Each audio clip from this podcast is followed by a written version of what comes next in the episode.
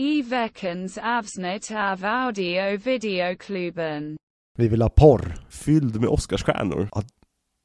Mm, Är det sant? Jag hade gömt någonting långt, långt ner i en byrålåda och försökt glömma det. Men det gick inte på grund av, Method actor Christian Bale. vilket man typ skulle kunna säga lite grann om Christian Bale. Och, Eh, Christian Bale, han blev ju erbjuden rollen som Batman. Så blev Christian Bale erbjuden rollen. Castingen av Christian Bale. Castingen av Christian Bale som Bruce Wayne och Batman. ehm, Christian Bale, Vi kommer ju prata mer om Christian Bale i kommande avsnitt, men vad tycker du om Christian Bale? Christian Bale, En story om Christian Bale. Christian Bale. För Christian Bale.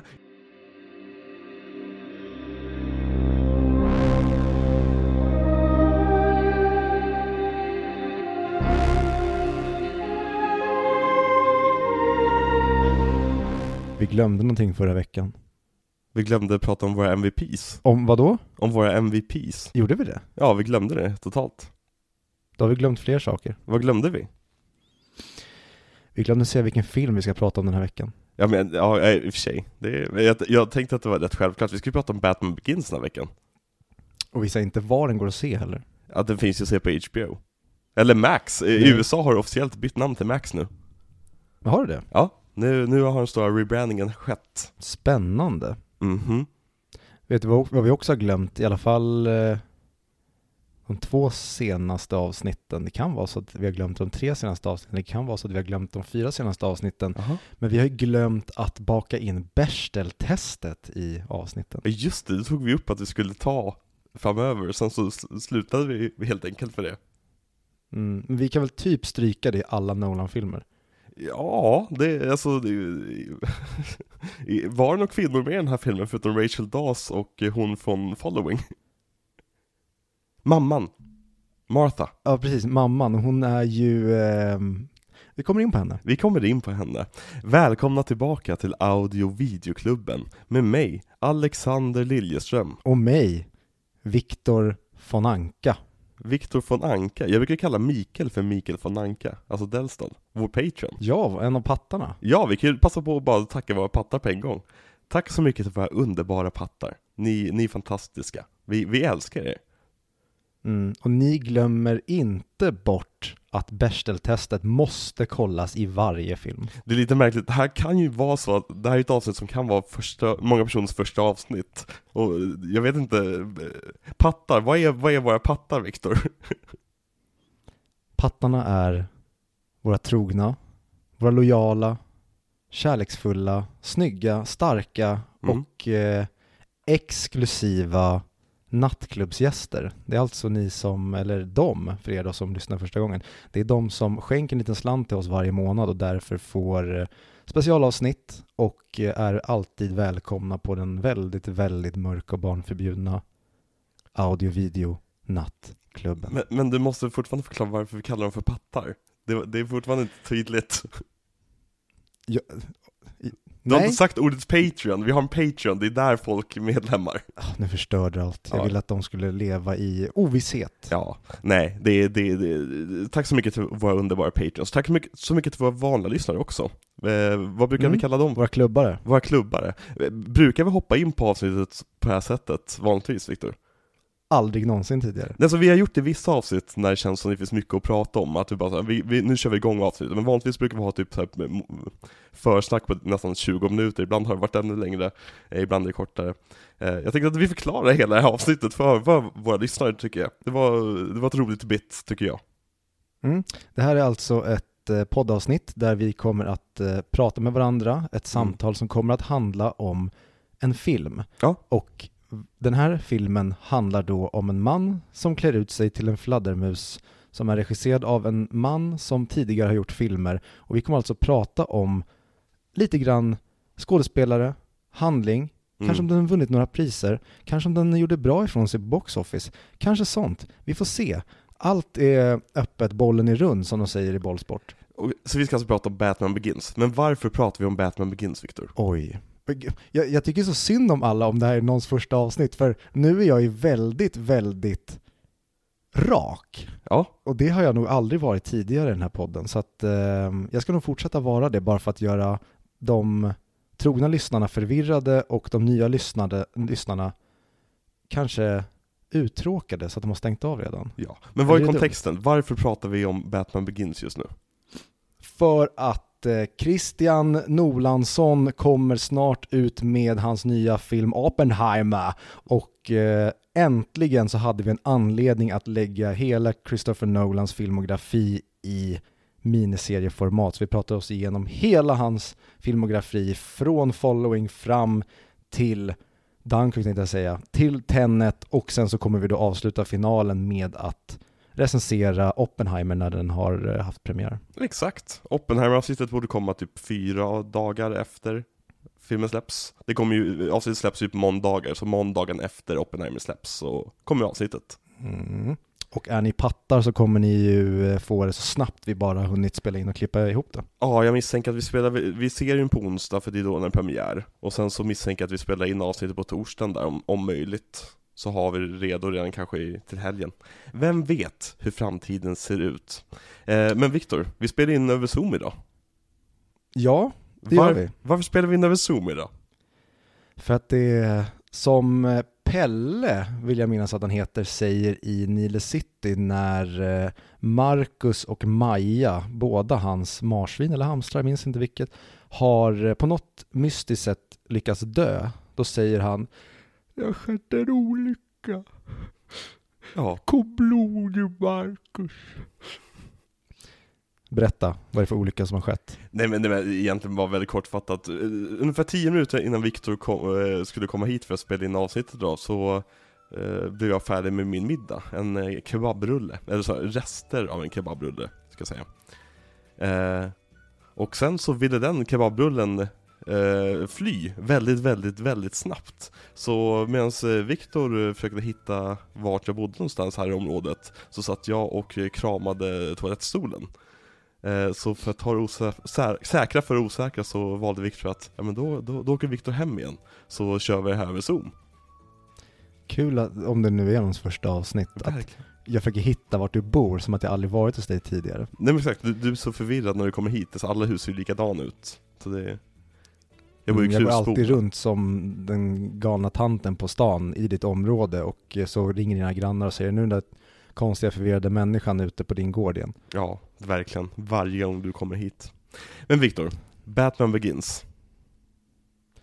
Det är ju en eh, film ja, som vi eh, ska prata om. Nej, har, jag tycker vi dyker rakt in i den, eh, för det finns, det kommer säkert vara ett sånt avsnitt, nej det, det går inte det avsnittet, men jag tänkte säga att bara just därför att det här nästan är julaftonsavsnittet, Mm. det är the avsnitt. Sen kommer vi säkert säga samma sak om nästa Nolan-film och nästa Nolan-film och nästa Nolan-film. Men det här är ju den, mm, typ julafton, Mm. så känns det som att det här skulle kunna bli ett avsnitt som blir där vi inte har saker att prata om, men det är omöjligt för Ja. att eh, det finns för mycket att prata om och alltså- eh, allt har typ redan sagts av alla i alla tider någonsin tidigare om den här filmen. Men vad bra då att den här filmen är eh, typ, vad är den? Den är 18 år gammal, Mm. blir det väl? Så Vi har lyssnare som är lika folk- gamla som den här filmen. Ja, och jag är yngre än den här filmen mentalt. Ja, men det, det kommer det alltid vara. Jag tänkte säga. kommer vara yngre än alla filmer mentalt. Exakt, precis. För du är knappt nyfödd mentalt. Mhm. Ja. Men må, innan vi börjar prata om Batman Begins så ska vi börja beginsa med att prata om Batman. Va, vad har du för Ja! relation till Batman, Viktor? Oh. Gud. Det är svårt egentligen peka på var relationen till Batman börjar, men jag tror nästan att det måste vara någon leksak. Mhm. För jag tror att någon Batman-leksak kom nog innan jag typ var medveten om vad Batman var eller Mm. hade sett typ animated series eller hade sett eh, 89 Batman eller ja, men någon Batman som kom efter det. Ja, typ en McDonalds-leksak skulle jag typ kunna gissa på att det kanske var någonting. Mm. Jag vet att jag hade typ om det var som en tuta eller så var det ett Ja, glasögonfodral exakt. eller en vattenflaskhållare någonting cykelfestrelaterat vet jag att jag hade från McDonalds väldigt, väldigt tidigt när jag typ hade stödhjul fortfarande. Väldigt många barn på dagis och skolan hade ju den här Joker som man kunde eh, tuta på, som kom från samma som McDonalds set. De hade ju en, en, Mm. en Batman promotion med just cykelgrejer. Eh, och det, Mm. det, det, alltså jag måste nog säga samma sak. Alltså det är nog där man fick upp ögonen för vad Batman var för något, alltså symboliken kring Batman. Och sen så i samma veva, jag tror det var i samma veva som Batman Forever kom, och de, den hade väldigt häftiga leksaker också. Så man hade ju som Batman, alla de här olika typer av dräkterna och liksom, eller jag hade inga Batman, jo jag hade en Batman fast det var senare. Men liksom kompisar hade Batman-leksaker och så här, han såg ju ashäftig ut. Han var ju som Action Man fast ännu häftigare. Ja, jag, jag undrar också, jag vet att jag tidigt hade Spiderman-gubbar, jag, jag hade även Action Man och som du säger, det, det, Action Man var ju coolt för att det var en, alltså det var, det var, en, det var ju Barbie men det var den manliga versionen av Barbie, det var ändå en leksak men superhjältar, det gjorde ju, det var en helt annan kittling i pungen än vad Action Man var och det, Ja. det, det måste ju vara jag, jag kan fan inte sätta fingret på vad det var, men det var bara helt naturligt att ja, men mannen i trikåer, han är mycket roligare än mannen i eh, militärbyxor. Ja men det är ju någonting med, alltså vi människor tycker om när folk spökar ut sig lite extra. Och superhjältar får ju som carte blanche på att spöka ut sig. Så när det kommer en hjälte som Batman som, han ser helt sinnessjuk ut, men det är ju lite av det roliga med honom. Då blir det så att man, man verkligen fäster sig vid honom. Men tror, tror du att man förstod från början att han var en good guy? Eller är det någonting som man fick berättat för sig? För jag, jag skulle verkligen vilja ha den första reaktionen man hade. Säg att man hade ställt upp Batman, Jokern, eh, Mm. Spiderman, Dr. Octopus, eh, bara massa olika blandningar av hjältar och skurkar. Tror du man hade kunnat avgöra första gången man blir introducerad för superhjältar på något sätt? Tror du man hade kunnat peka ut vilka som är good guys och bad guys? Eller är det någonting som storyn fick berätta för en? Alltså jag tror, of, alltså antagligen så är det så att man hörde ordet Batman innan man såg någonting alls om, om Batman, eller av Batman, eller från Batman.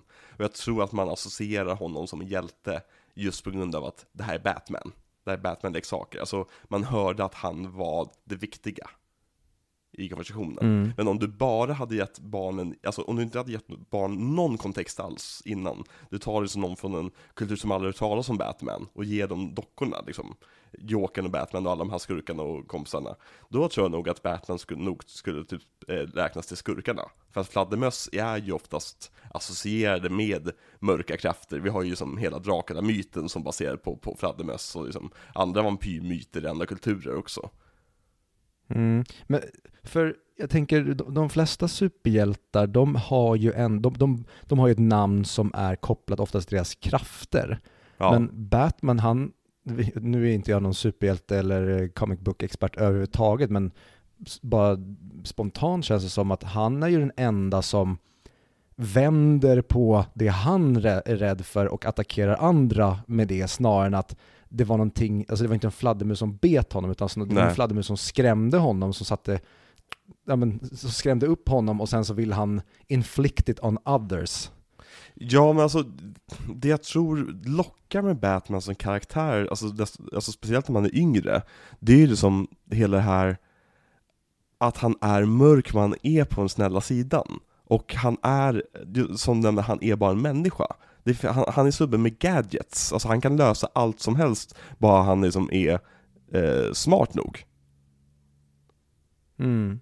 Så jag tror liksom det gör så att han, man tilltas mer av det, än, eh, av honom till exempel, än, än till exempel av Superman. För Superman tyckte jag alltid var jättetråkig när jag var yngre. Alltså han var, han var baseline cool så att säga, men han var väldigt standard kände jag. Det var, det är svårt med Superman stories som känns som så här, ja men här blir Superman utmanad, men i Batman finns det en utmaning för honom i grund och botten i det att han bara är en människa som måste möta alla de här Mm. personerna som, med avancerad teknik eller som har blivit manipulerade, ge- genmanipulerade på något sätt liksom. Det, jag tror att det är en del av själva mystiken med Batman.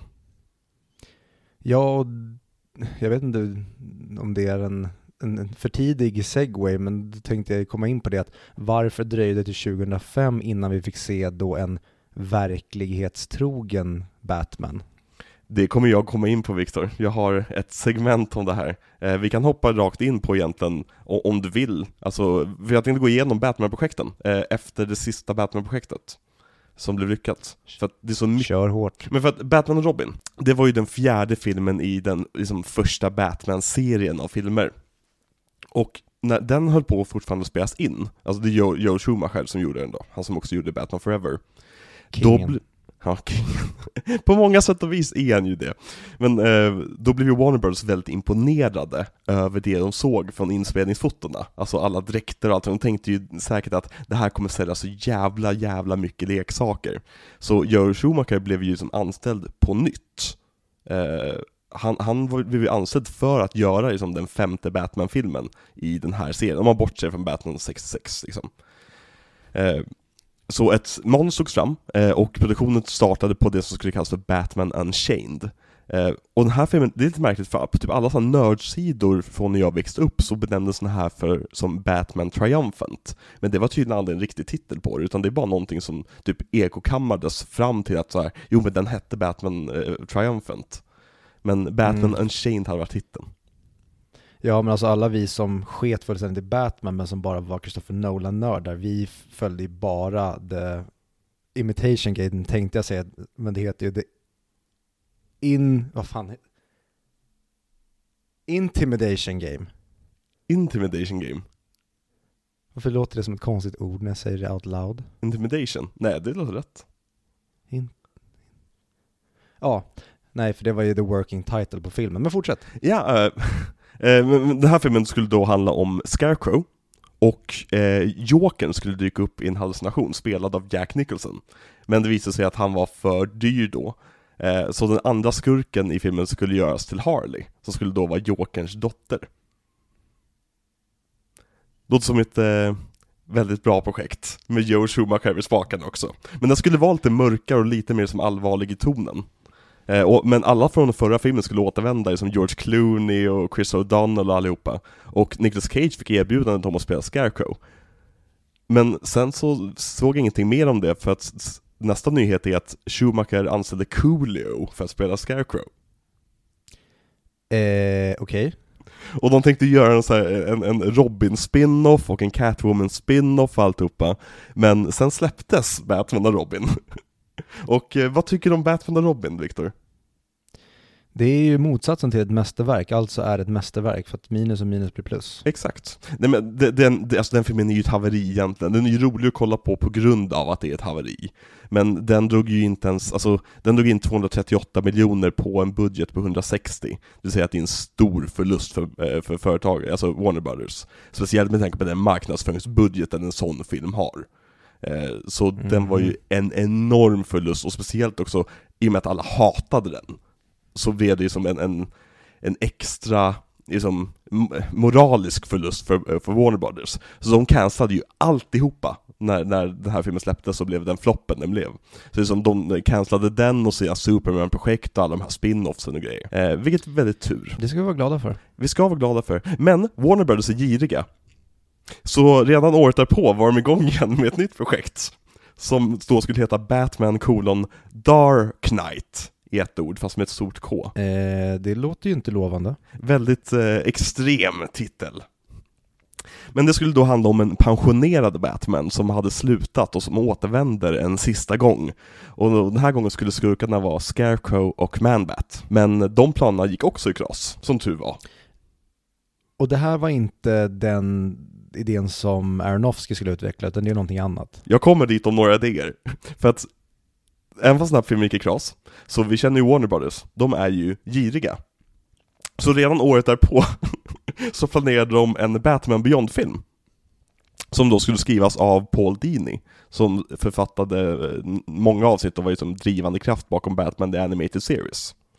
Och eh, det skulle handla om en pensionerad Batman som hade slutat och som återvände en sista gång för att träna en ny Batman. Och det tycker jag låter som en väldigt, alltså en Batman Beyond-film hade varit intressant, speciellt om det som Animated Series-teamet är med och gör den. Mm. För vi, vi såg ju Batman Mask of the Phantasm, när han är med i filmen. Mm. Den finns ju att lyssna på på eh, Nattklubben. Exakt, så om ni är intresserade av att lyssna och höra vad vi tyckte om den så kan ni gå in där. Men eh, alltså det teamet är ju helt fantastiska. De känner ju verkligen Batman, så det, det, det är synd att inte det blev någonting. Eh, Men de planerna gick ju i kras, såklart, för att vi, filmen blev inte av.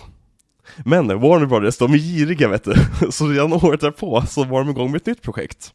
Och det var ju då Batman Year One, som skulle regisseras av Darren Aronofsky.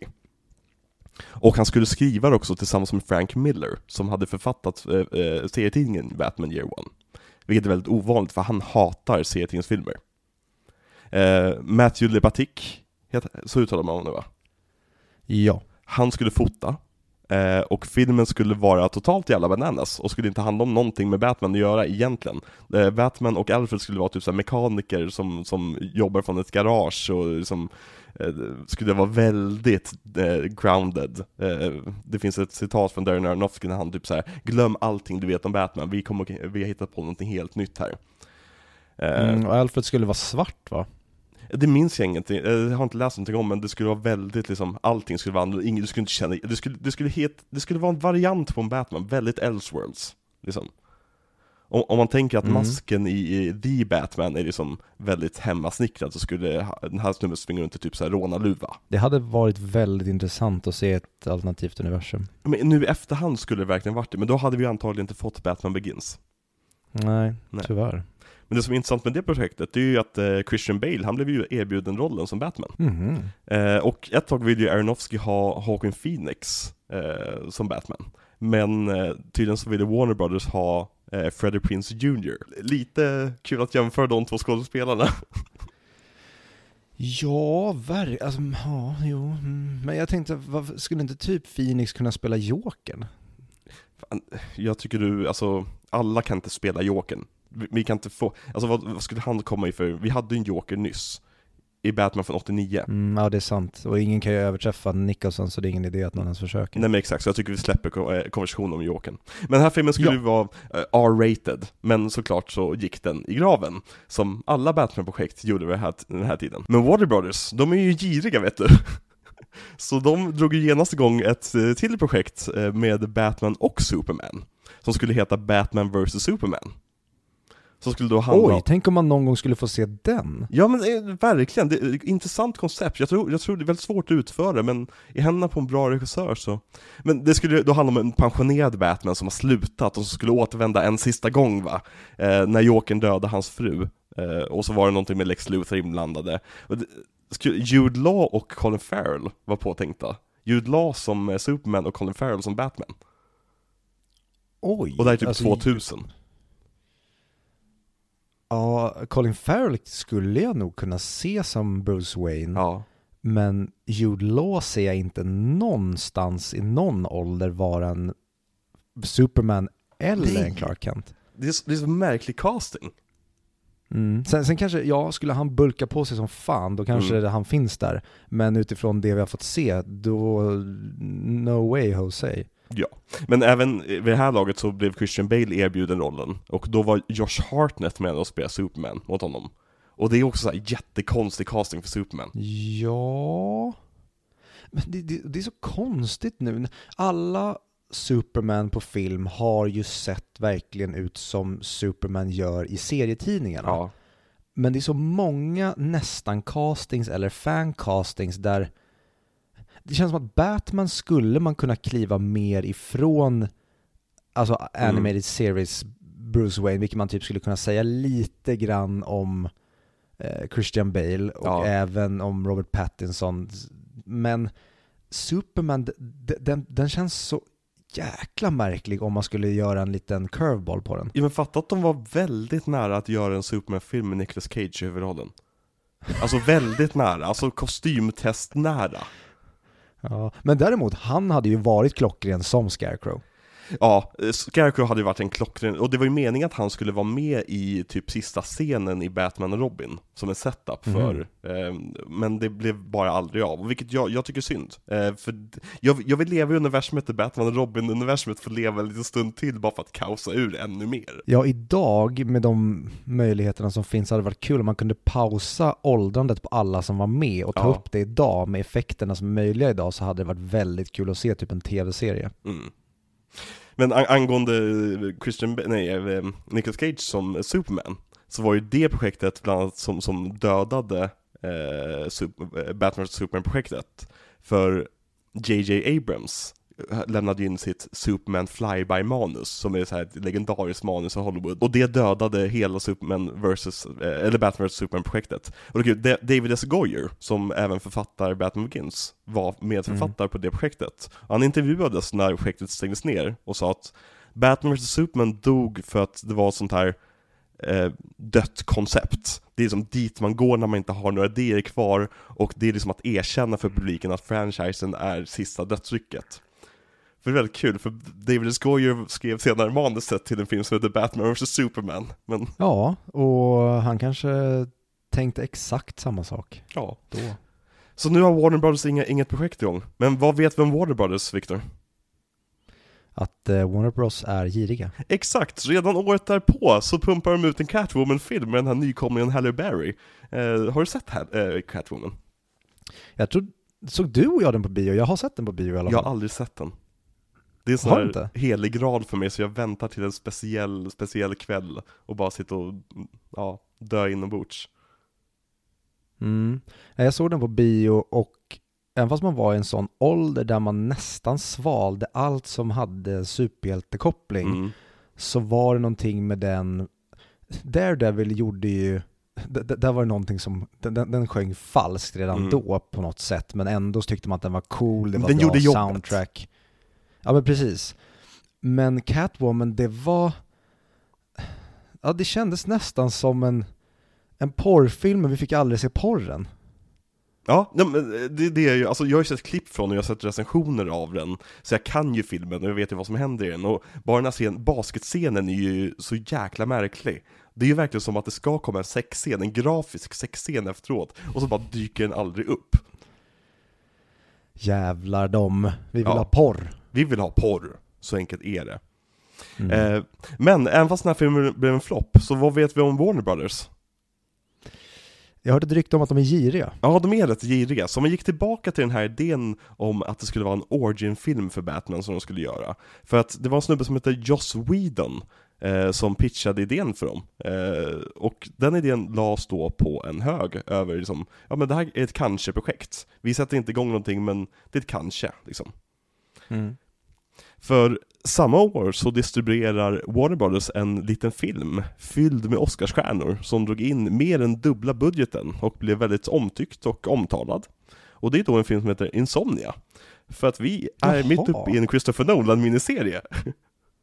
Den har jag sett. Exakt, vi såg den förra veckan. Lite snabbt, vad, vad tycker du om Insomnia? Eh, gå tillbaka en vecka så får eh, ni höra. Ska vi klippa in hela veck förra veckans avsnitt på typ tre sekunder? Mm? Ja, det låter jättekul. Eh, men eh, Nolan, eh, vid det här laget, han vill ju göra ett stort Howard Hughes-projekt. Alltså det som The Aviator handlar om. Men han var ju tvungen att lägga ner det projektet för att just The Aviator var på gång. Men där skrev han ju hela manuset och grejer. Och det hade ju varit så jävla häftigt om han gjorde idag. Mm, det är, det är väl så nära det vi kommer i hans karriär när vi kommer till Oppenheimer. Ja men exakt, han går, det, det är en sak som får mig att bli väldigt taggad på just Oppenheimer, är att det känns som att han, han gör ett projekt han har velat göra rätt länge, en, en biopic. Eller biopic mm. som många säger, för någon anledning. Ja, en biopic. Ja, jag, jag hatar det. Det, det, det, det kliar i ryggraden när någon säger biopic. Aldrig hört någon säga det. Har du inte? Nej. Vad skönt för dig. Men jag eh, pratar inte med människor. Nej, du pratar inte med henne. Men eh, ja, Nolan. Eh, biopics. Eh, nej. Nej? Nej. Jag tror inte det. Nej men eh, han var ju tvungen att kasta sitt Howard Hughes-projekt på, på sophögen på grund av Martin Scorsese. Eh, men Warner Brothers ville ändå satsa på den här Christopher Nolan, den här nykomlingen som gjort två riktigt heta filmer på rad liksom. Och de bjöd in honom för ett vad vill du göra-samtal praktiskt taget. Och det här har jag hört berättat från, via Wally Fister, som berättade för Griffin Newman när de spelade in The Tick. Och han nämnde det sen i deras podcast Blank Check, som jag rekommenderar för alla att kolla in. Men tydligen så bjöd, bjöd de in honom till ett samtal där de plockade fram typ alla franchises de hade, alla liksom stora filmer de tänkte göra. Och han liksom fick sitta och vraka och välja. Där han blev eh, erbjuden Troja, och han blev erbjuden Harry Potter Alexander, Phantom of the Opera och lite så allmänt liksom, franchisefilmer. Eh, men det var tydligen han som föreslog liksom att, ja men, har ni Batman? Eh, ska, vad har ni på Batman? Vad, vad, vad har ni för planer liksom? Och det var så han fick projektet. And the rest is history. Ja, ja men lite grann. Alltså han parades ihop med David S. Goyer som alltid, alltså David S. Goyer är han som skrev Blade-filmerna och fick väldigt mycket nördcred därifrån. Men han är också ansvarig för en hel del stinkbomber i sin karriär. Eh, så han är lite riskabel att jobba med. Men Nolan verkar tygla honom rätt hårt. Eh, för det är mycket Nolan i det här scriptet känner jag. Ja, och som jag förstod det så var det ju att de, de låste in sig i Nolans garage i sju veckor och eh, skrev och skrev och skrev och det verkar mycket som att Nolan visste vad han ville göra, men han behövde en serietidningsnörd som kunde Batman för att inte liksom trampa snett och kanske sjunga falskt och verkligen vara trogen till låren på så, mycket, så många sätt mm. som det bara gick. Ja men exakt, och det, det är väl, skulle jag säga, det bästa sättet att göra det på. Nu när vi har fått, jag varit inne på det tidigare på det, men nu när vi har fått se nördarna göra film så att säga, då, då vill jag nästan tillbaka till att det är inte nördarna som får göra sak, alltså film om sina favoritfranchises. De får gärna vara inblandade som konsulter, som David S. Goyer typ var här. Han rekommenderade ju The Long Halloween till exempel för Nolan, som det här är väldigt mycket baserat på. Men att Nolan fick göra någonting eget med influenser från en person som verkligen kunde det, det tycker jag funkar mycket bättre.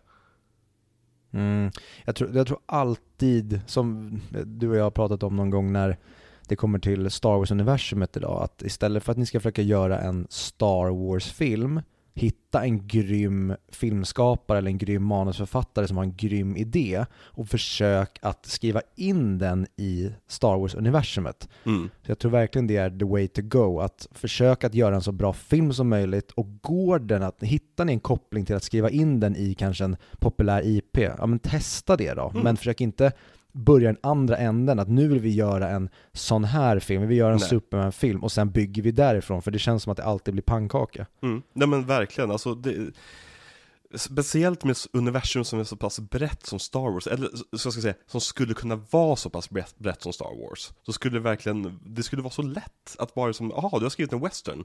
Vad sägs om att vi gör om det här till en Star Wars-film? Liksom... Mm, och det hade man ju så höga förhoppningar på med Rogue One. Man mm. trodde att shit, nu ska vi verkligen, här kommer vi få en standalone film och så slutade med att de skrev upp den i röven på Episod 4 ändå. Ja, verkligen. Eh, men eh, Nolan, hans mål med den här filmen, det var ju det att han ville göra en film som hans 11-åriga jag skulle tycka om. Mm. Det, och det är så jäkla rätt sätt att gå tillväga, tycker jag.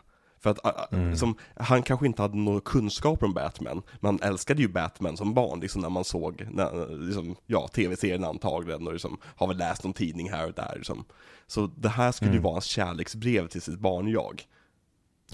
Ja, men precis, han har ju sagt det att han var ett stort fan av Batman, men han var ingen comic book geek, Nej, utan det var ju mer from afar, eller vad man ska säga. Jag, jag, skulle säga att jag kanske då har en liknande relation. Jag har inte läst serietidningar, jag har sett animated series, jag gillar Batman, ser, sett de filmerna som kommit genom åren, mm. men jag har ju inte koll på så där får man inte göra med Batman, så där får man göra med Batman, eller det där, det där, det där. Alltså jag, jag har inga koll på regler Nej. eller nörda ner mig i vilka Elseworlds eller stories som överlappar med vilka, utan jag, jag har ju bara en stor kärlek till kar karaktären och superhjälten för jag tycker att han han symboliserar någonting häftigt för mig redan från när jag var liten. Mm. Ja, men alltså, och det är väl egentligen det Nolan tar tillvara på. Alltså, för att han, han, hela den här filmen är ju, det är ju här som Nolan börjar med sitt mantra egentligen om att allting ska vara praktiskt och i miniatyrer, så länge det går att göra praktiskt och i miniatyrer. Och bara använda mm. CGI där det faktiskt behövs. För att jag tycker det, den filosofin hör väldigt mycket ihop med jag vill göra film för min, mitt 11-åriga jag. För att mm. halva grejen med att tycka om en film som en 11-åring, det är just att kolla på de här dokumentärerna om filmerna man tycker om. Där man ser dem hålla på med alla de här små dockorna och liksom alla de här små modellerna och grejer. Det är ju ingen intressant sätt att kolla på en film, eller okej, okay, nu ska jag inte tala för världens 11-åringar, men jag kan inte tänka mig att det är lika intressant för en 11-åring idag att sitta och kolla på hur Avatar 2 gjordes, om det bara är typ så scener från när de sitter inne i, liksom, vid en dator och animerar saker. Nu har ju Avatar 2 mm. lite sets och grejer också såklart som kan vara med i sån dokumentär dokumentärer. Men du fattar vad jag menar, alltså det, det ingår i paketet att tycka om film som 11-åring, att det ska finnas lite taktilt i filmen också. Ja, exakt. Men, eh, och Nolan, här börjar han också med det här att han vägrar ha en second unit. För att, eller berätta, vad är en second unit? En second unit, det är eh, de som spelar in delarna som egentligen huvudregissören och huvudfotografen typ inte hinner med, eller som de känner att här behöver inte vi vara med och kanske regissera och vara lika noggranna, typ actionscener eller ta mm, miljöbilder, alltså sånt där kanske det inte är dialog de mest, eh, vad ska man säga, de absolut viktigaste delarna, de kan man ge till en second unit för att spara tid. Mm. Ja, men alltså, mycket så här, helikopterbilder över landskap är ju en typisk second unit-grej. Också som du säger, mm. action-grejer. Det, det var ju väldigt, Chad, vad heter han, Chad Stahinsky? Stalinski? Han som gör John Wick-filmerna. Han började ju som en eh. second unit-regissör som fokuserade på action. Så liksom de, alltså, ibland anställer ju filmskapare som vet att jag kan inte hantera actionen. De anställer ju otroligt duktiga personer som gör det åt dem också. Men Nolan är ju känd för att han, han gör allting själv. Varenda shot i en Nolan-film är fotograferad av honom och Wally Fister, eller Hoyte, när Hoyte väl blir inblandad. Mm, och han, han är så smart på det sättet för att här, han plockar in, nu kommer jag inte ihåg vad den mannen heter, men han som är, eh, vad ska man säga, eh, han plockar in en, en liksom set decorator som ska bygga världen och få den att kännas på ett visst sätt. Mm. Han anställer den här mannen som, jag vet inte, det, det är en, eh, han har hittat på någon kampsport mm. som Batmans liksom, fighting moves är inspirerade av och låter honom sköta fighting-koreografin. Mm. Han tar de, de bästa, eller folk som vet exakt vad han vill ha, och låter dem utföra jobbet. Men det är inte så att han lämnar dem och får fria tyglar, utan han är noga med vad han vill ha utifrån dem. Ja. Men han ser till att ha dem som kan konvertera hans tankar till det bästa. Mm. Det känns som att, eller känns som att, det finns säkert många idag som de har sett en eh, dressmaker göra en jävligt cool dress och sen så, jag, jag vill ha din eh, touch på kläderna i min film och sen kan det vara att, ja men gör vad du vill för jag litar på dig och så kan mm. den fokusera på andra grejer men Nolan vill verkligen ha han vill vara insyltad och ha kontroll på allt. Ja, men så, jag vill landa lite grann i det här just med eh, fysiska sets. För den här filmen är ju fantastisk när det kommer till fysiska sets. De hyrde ju mm. en fucking hangar för att bygga upp det här Narrows-området.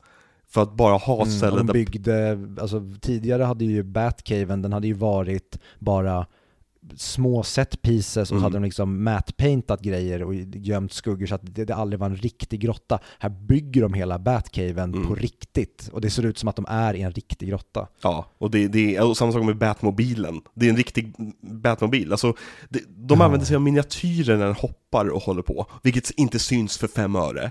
Eh, men annars när den kör ute på gatan så är det en riktig Batmobil. Det, inget, det behövs inget tricks där, utan du köper det i att det är häftigt bara när det händer, för att du ser det hända. Mm. Lite som, eh, är det... Jo men det är Dark Knight när han kör genom det här eh, målen där det är någon mm. slags löparbangrej med motorcykeln. Mm. Det, det, alltså, du hade kunnat göra en mer slimmad motorcykel, du hade kunnat göra så att det ser mer smidigt ut, mm. men det ser så fruktansvärt badass ut när den här motorcykeln rullar igenom köpcentret som en motorcykeltank. Nu ska vi inte prata om två veckor frams veck avsnitt. Nej men i mitt huvud så händer det i den här filmen också, så att vi låtsas som att jag precis pratar om Batman Begins. Var det motorcykel? Batman åker inte motorcykel. The Victors Cut. Vad menar du, att typ Batman-bilen skulle gå sönder så bara åker en motorcykel ut ur den eller? Mm, ja, i min version gör det. Ja. Men den är inspelad i England, eh, och Chicago. Eh, eh mycket... Chicagot? mycket miljöbilder från Chicago, men typ allt annat i England. Och det är intressant, jag tänkte inte på det förrän jag läste det egentligen, men Arkham Asylum, den byggnaden de använder för Arkham Asylum, mm. placera den i USA och den är lite creepy. Placera den i England så här ett vanligt sjukhus, en vanlig sjukhusbyggnad. Och det tycker jag är så mm. jävla snyggt magitrick av Nolan. Att det är som du bara filmar där... en, en, en, helt vanlig byggnad i England, men den ser så jävla out of place ut med amerikansk eh, arkitektur. Mm, det, det är, du, du, du sätter verkligen finger på någonting. Det är någonting konstigt. För att många saker som är classy i England mm. sätter du det bara i en amerikansk kontext, så, precis som du säger, då blir det märkligt direkt. Mm. Jag, jag, jag vet inte om det är medvetet av dem att de skulle göra det, men, men det blir den effekten i alla fall. Och det är just det här att spela in allting i England och, och i Chicago. Att blanda ihop de två sakerna för att skapa Gotham. Jag tycker de, vi kan gå in- gå in på det på en gång. Vad tycker du om Gotham i den här filmen? Jag tycker att de representerar Gotham på ett bra sätt. Ja, jag skulle nästan hellre vilja prata om Gotham när vi kommer till Dark Knight. Okej, då- vi, då vi kör jämförelse då istället. Ja, nej men jag tycker att den här, det här Gotham är perfekt. Jag, Ja. jag gillar det vi har fått se i Tim Burton, men det, ärligt talat, det är inte på riktigt. Man, det ser ut som nästan en, om, om någon välter, så välter huvudet, det är kartonger som står där. Ja, Det känns alltså, aldrig som en riktig stad eller en riktig värld. Här har vi faktiskt en stad som, jo men det är klart att den finns borta i USA. Det är, Mm. Gotham är en stad och den, den känns inte som någon, någon annan stad men samtidigt känns som en amerikansk storstad. Mm. Den är, jag, jag älskar och det går ihop med realiteten som den här Mm. filmen levererar. Jag kom på, vi, vi har hoppat över en fråga till dig Viktor. Jaha. Vad har du för relation till den här filmen? Ehm, du har ju påstått att vi såg den här när den här kom. Ja, jag vet exakt varför jag påstår det också, jag har, kommit, jag har hittat ett minne om det. För att Berätta. jag, efter jag såg den här filmen så kallade jag Christian Bale för Christian Bale. Jag trodde han hette så, för att din pappa sa det om och om igen på, på skämt, att han hette det. Men är du säker att det är därifrån? Vi såg ju Mio med Mio tidigare. Ja, fast Jag tror inte, jag vet inte. Alltså, det kan vara så att vi inte såg den tillsammans, men, men jag så, ja, fortsätt. För, för mitt minne eh, är, och Nej men det är så jävla starkt det minnet och det, det har verkligen präglat mig på ett sätt och om det här minnet inte stämmer, om jag, eller om jag ljugit om hur det låg till när den här situationen hände, då, då är min relation till film helt förändrad för att vilken klass, går- nej, det här är 2005 men det kan ha varit 2006, då går jag typ i åttan eller sjuan, åttan där någonstans. 13-14 är det. Ehm, och då hade jag en vikarie, nu sorgligt nog så har jag glömt vad han heter, men jag vill minnas att han heter Fredrik. Och han såg ut typ som en real life Peter Griffin. Och han kom in i klassrummet och han kändes verkligen som en, det, det var på den tiden när de, min klass var klassen som ingen lärare eller vikarie ville ha, för vi drev alltid vikarien till vansinne och så Ah. dök de aldrig upp på skolan igen och så hörde man att de kanske hade checkat in sig själva på Arkham. Men den här snubben, han såg verkligen ut som den perfekta personen för oss att krossa och han såg inte ut att vara svår att krossa. Men typ det första han säger, jag minns inte om det var samhällskunskap, det var, någonting, det var historia, men bland det första han säger på lektionen är att han tycker att film och superhjältar är det coolaste han vet. Och då var det som att barndomen i mig väcktes till liv, för här var jag inne i liksom mobbartider. Mm. Jag, jag hängde med jocks och det var, det var brudar och man hade typ precis börjat kröka. Filmen var så långt bort från mig som det bara fanns. Den här nördigheten hade jag gömt i en byrålåda och nästan skämdes över för att skulle någon få reda på att jag var en film och leksaksnörd alldeles för länge som jag typ hade slutat vara för något år tidigare, då hade jag blivit mobbad av dem jag var med och mobbade med. Det är så sjukt hur snabbt det går. För att den här filmen släpptes alltså samma år som Revenge of the Sith. Mm, Är det sant? Ja, Åh oh, jävlar vad sjukt. eller hur? De, de känns som två helt olika eror. Men eh, ja, ja, fortsätt. Ja, för mitt huvud är Re- Revenge of the Sith fem år innan Batman Begins. Men då, då undrar jag också så här, för att den var ju verkligen på tapeten, spelade... Nej, men är Den lekte kan ju... den vara 2005?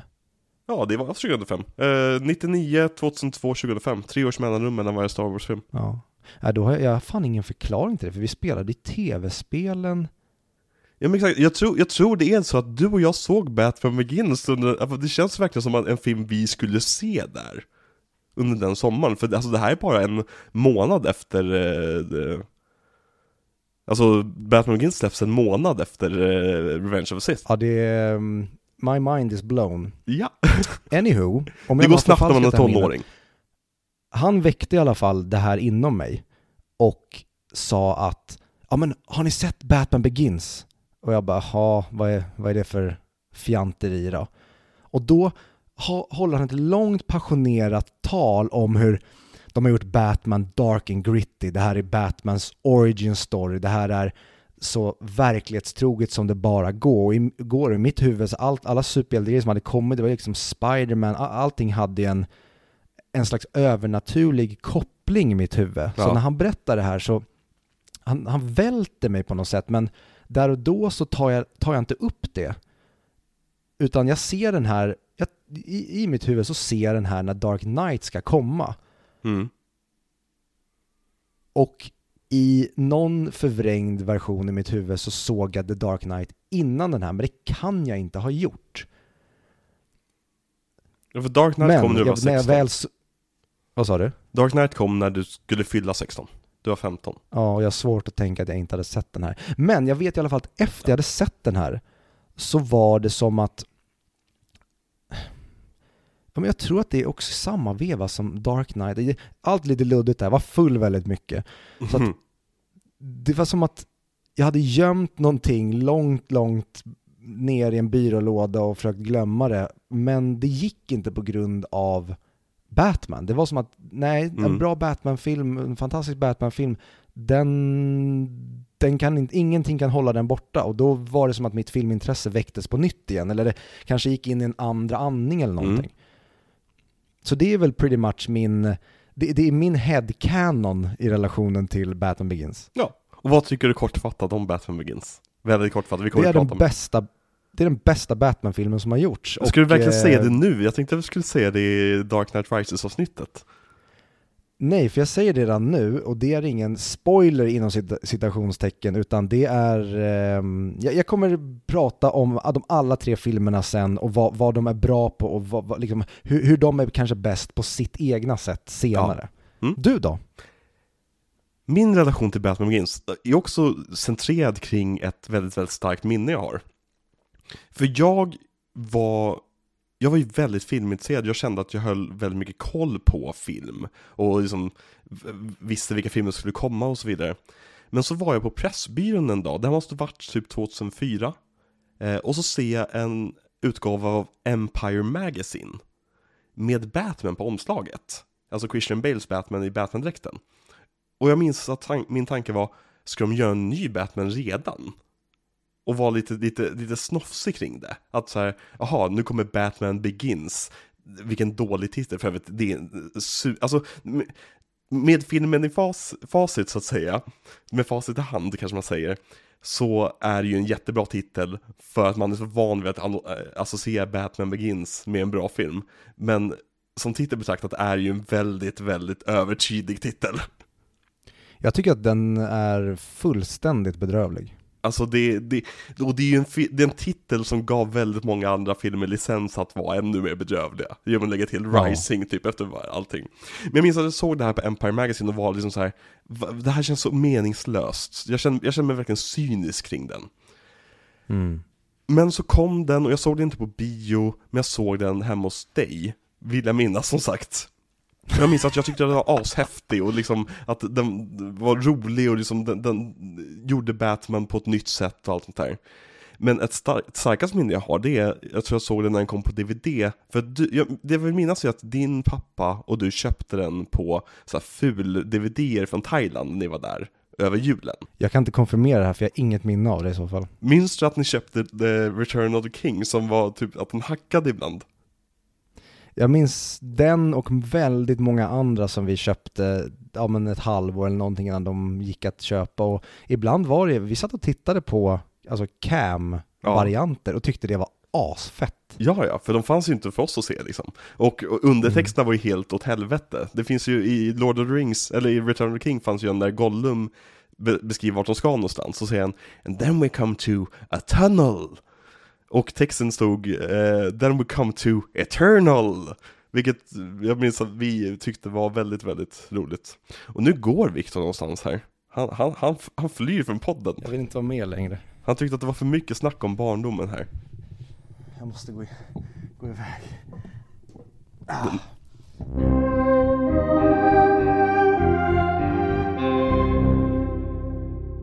Ett av de starkaste minnena från när jag verkligen började älska den här filmen var en gång när, alltså det måste ha kommit ut på DVD då, för att jag och pappa hyrde den här filmen.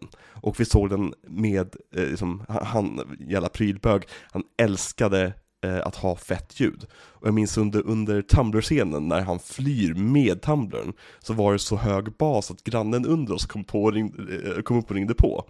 Jag minns att det var en så jävla häftig filmupplevelse, och då verkligen då började jag älska Batman Begins, så det kändes lite grann som att det var en film som folk, alltså folk visst tyckte om, men att den inte riktigt liksom var så omtyckt som liksom, det blev när det sen blev typ Dark Knight.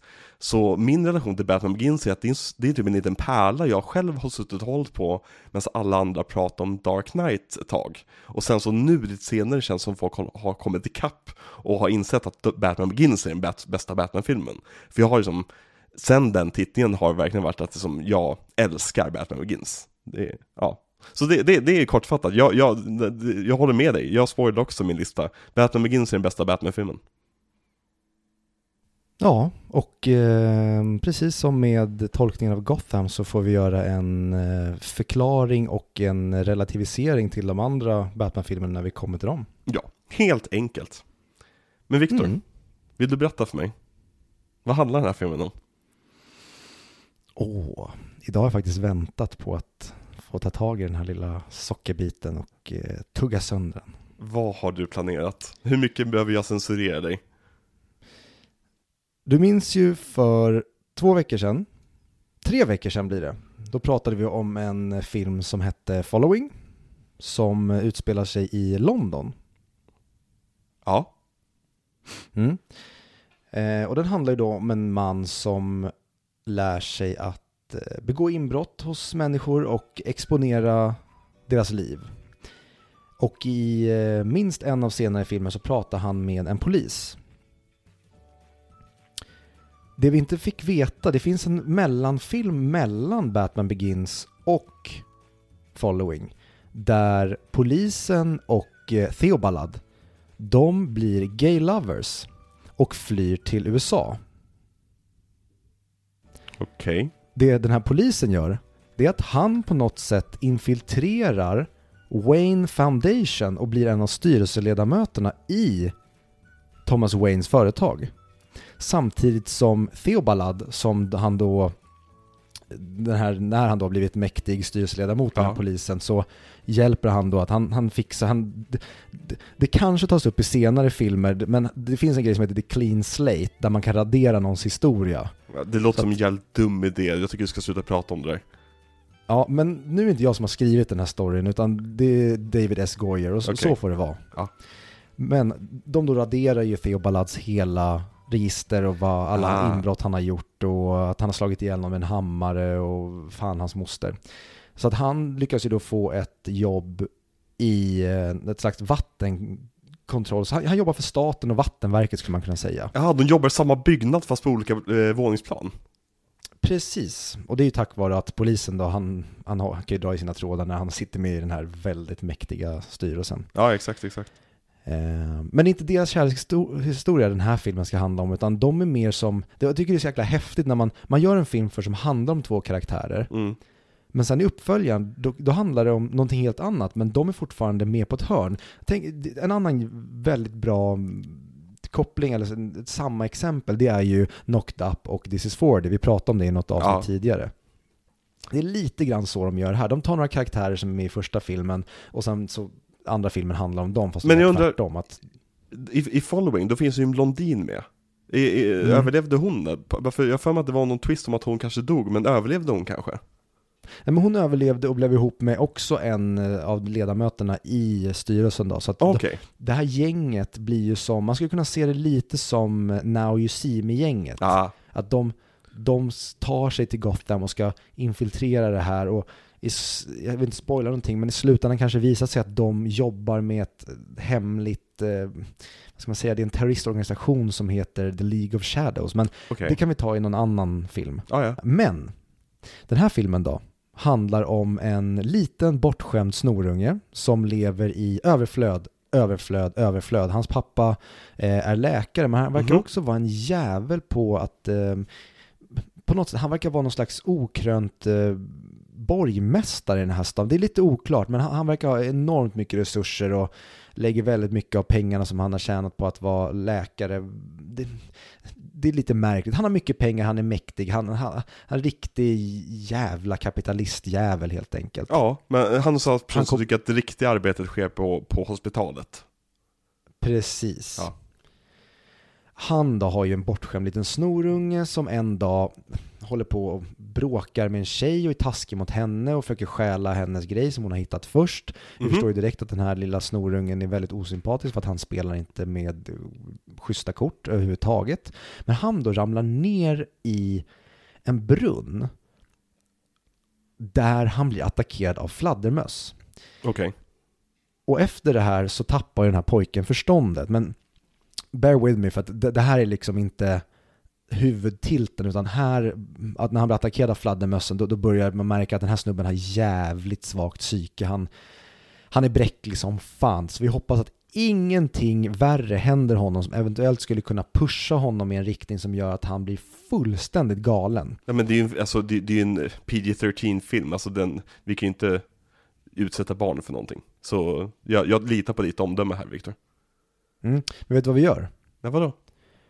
Eh, den här bortskämda snorungen då, jag, jag vet, jag vet, jag är en jävligt dålig, okej nu är det här min story, nu, nu är det jag som skriver.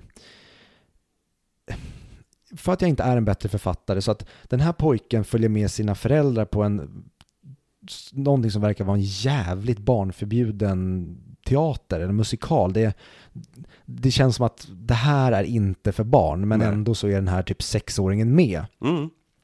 Och eftersom han är en bortskämd snorunge slash hans föräldrar är dumma i huvudet som tar med honom på den här barnförbjudna eh, pjäsen då. Mm. Så istället för att han bara kan sitta och blunda och hålla för öronen och vara en kämpe så ska ju han säga till sin pappa Det är jobbigt, för det, det kom fladdermöss i brunnen och jag får PTSD, kan vi gå? Och pappan som är en curlingfarsa säger ja men det är klart vi kan gå för att Ja. min bortskämda snorunge ska ju få som han vill. Ja, så de går ut genom entrén? Ja precis, de går ut genom bakdörren Jaha. eh, skulle man kunna säga. Och båda föräldrarna blir ihjälskjutna. Av ungen? Nej, jag, jag skrev in det först, men det tyckte producenterna var lite väl on the nose, att den här ungen, det var något fel på honom. Okej. Så vem, vem dödar Eh. föräldrarna? Nej, det är bara en uteliggare, vad vi vet hittills. Okej. Så att den här pojken nu, från att ha haft ett eh, mindre trauma med fladdermössen, så går han nu fully retard när hans föräldrar blir ihjälskjutna. Jaha. Och inte nog med det, man kan ju tänka att jo men då hamnar den här pojken hos en eh, släkting eller han, han får en ny kärnfamilj. Han Ja får precis, han måste väl ha några släktingar i livet liksom. Precis, att, och han måste ju få växa upp med en mamma och en pappa så att han får både liksom det, den feminina kärleken och kanske det overhuggingly mom och kanske den, den liksom fostrande, kanske lite kalla pappa men som ändå gör en man av honom. Nej, han växer då upp med eh, butlern. Mm. Det låter ju hälsosamt. eh, mm, en jävligt girig eh, och ganska skämtsam gubbe som, det här är också lite hopp fram i tiden, men det slutar med att eh, han, har, han låter den här pojken dödförklaras när han sticker ut på rymmen. Ja. Eh, och så visar det sig att han har ärvt alla hans grejer, så att han har lurat till sig hela förmögenheten som den här pojken ärver av sin väldigt Good framgångsrika game. pappa. Så pojken får ju ändå vad han förtjänar till slut. Ja, okej. Och där slutar filmen Mm. eller? Nej men nu ska vi inte gå händelserna i förväg här. Ja. Ehm, pojken han kan ju inte riktigt släppa det här. Han växer upp med den här gubben. Det verkar inte vara jätte... Vi får inte se så mycket av det utan vi, vi, man, man förstår att med, med den här bakgrunden, med de här förutsättningarna, men då kan det inte vara... Det kan, det kan inte gå så jäkla bra för honom. Men av någon jävla anledning så pluggar han på Princeton. Jag antar väl att det är gubbjäveln som har köpt honom in där för att Mm. han ska bli av med honom så han kan ha sina liksom, sex dungeon-fester i The Wayne Manor medan Bruce är i skolan. Ja. Eh, men en dag då så kommer han hem för att han tydligen så har de plockat eh, mannen som sköt föräldrarna och så ska det vara en rättegång. Mhm. Och i och med att den här eh, pojken då, som vi förstår, han har ju blivit, eh, alltså det kan man räkna ut med arslet direkt, att han är en potentiell skolskjutare eller han kommer ju på något sätt, nå- någonting kommer att Ja hända men den som där inte hade så. Ja men precis, det är en riktig snusk hummerfrisyr. Ja. Schampofrilla deluxe. Ja. Men han eh, har ju då tagit med sig en pistol som han förmodligen har köpt med en eh, lika sjuk i huvudet klasskompis på Princeton Okej. och ska åka till den här rättegången och har bestämt sig för att ta den här mannens liv. För han tänker ju att ett mot två, jag vet inte riktigt hur han räknar, men han tänker att om han dödar mannen som dödar båda hans föräldrar, då är det lika. Men han har ju dödat två personer. Mannens men fru han bara då? dödat... Ja, det skulle kunna vara... Nej, vi eh, skriver ur det. Det känns som att eh, vi ska inte gå ner det kaninhålet. Men han får då inte möjligheten att skjuta ihjäl den här mannen utan det kommer en eh, random kvinna efter rättegången och skjuter ihjäl den här mördaren mitt framför ögonen på den här psykiskt sjuka killen då. Okej. Så att eh, om han inte var full i tilt än så blir han det nu. Så att eh, han tar sin rock och tänker elda den och eh, ger sina pengar till en uteliggare och sen springer han iväg. Okej. Och sen är filmen slut? Nej. För att den här snubben, han eh, såklart ska göra revolt och vara lite cool och ball. Så att han blir ju en kriminell. Och man får se under filmen att han stjäl ju från sin egen pappas företag, vilket är lite coolt. Och ja, den här killen, han är en badass dude. Från sin döda pappa? Ja, så att eh, snubben har ju, det har ju slagit slint rejält, men eh, vi är inte färdiga med det än. Okej. Han eh, reser jorden runt som den här kriminella och en dag så hamnar han ju på kåken. Eh, surprise, surprise. Mm. Som att eh, bad people don't end up in jail liksom. Det, det är därför den här filmen är väldigt verklighetstrogen för att på riktigt så hamnar ju skurkarna alltid i fängelse. Men jag tänker att jag skriver in lite overkliga grejer eller man kan säga lite deus ex machina, att vill jag att någonting ska hända i filmen, ja men då ser jag fan till att någonting händer i filmen. Så jag skriver in att det kommer en man och erbjuder honom ett slags rehabläger. Och Okej. säger att jag kan få ut ur fängelset om du klättrar upp till berget, plockar en blomma, så ska jag se till att du blir nykter, kry och eh, kommer på benen igen. Man skulle kunna säga Snällt. att eh, det, det är Jordan Peterson som dyker upp i fängelset här och eh, Jaha. säger att eh, om, om, du, om du vill så kan jag lära dig att bädda din säng. Så menar han sitter och gråter genom hela mötet där? Och eh, den här killen då, han tar erbjudandet så att han klättrar upp på berget och eh, möts av att den här eh, Jordan Peterson-gubben, han var ju inte alls det som han utgav sig för att vara. Han är ju våldsam och vill ju bara hitta en ny snubbe att spöa på. Mhm. Så direkt när han kom innanför dörren i hans hus, där han trodde han skulle få rehab, nej, då blir han påpucklad. Så att för att han då inte ska bli ihjälslagen i det här huset, då måste ju han lära sig att försvara sig. Så att man kan ändå säga att det, han kanske är lite mer Andrew Tate då, lite mer toxisk Okej. uppfostran. Ja. Va- Vad han- va, vad vad handlade den här filmen om, Viktor? Den handlar om mental ohälsa. Okej, okej, Fort- fortsätt berätta. Jag ska försöka ta det här lite snabbare om det går. Men jag, jag tycker att jag, jag, den här filmen är så sjukt bra skriven av mig så att jag, vill verkligen ta, jag vill inte missa någon del alls. Fortsätt i din egen takt. Ja.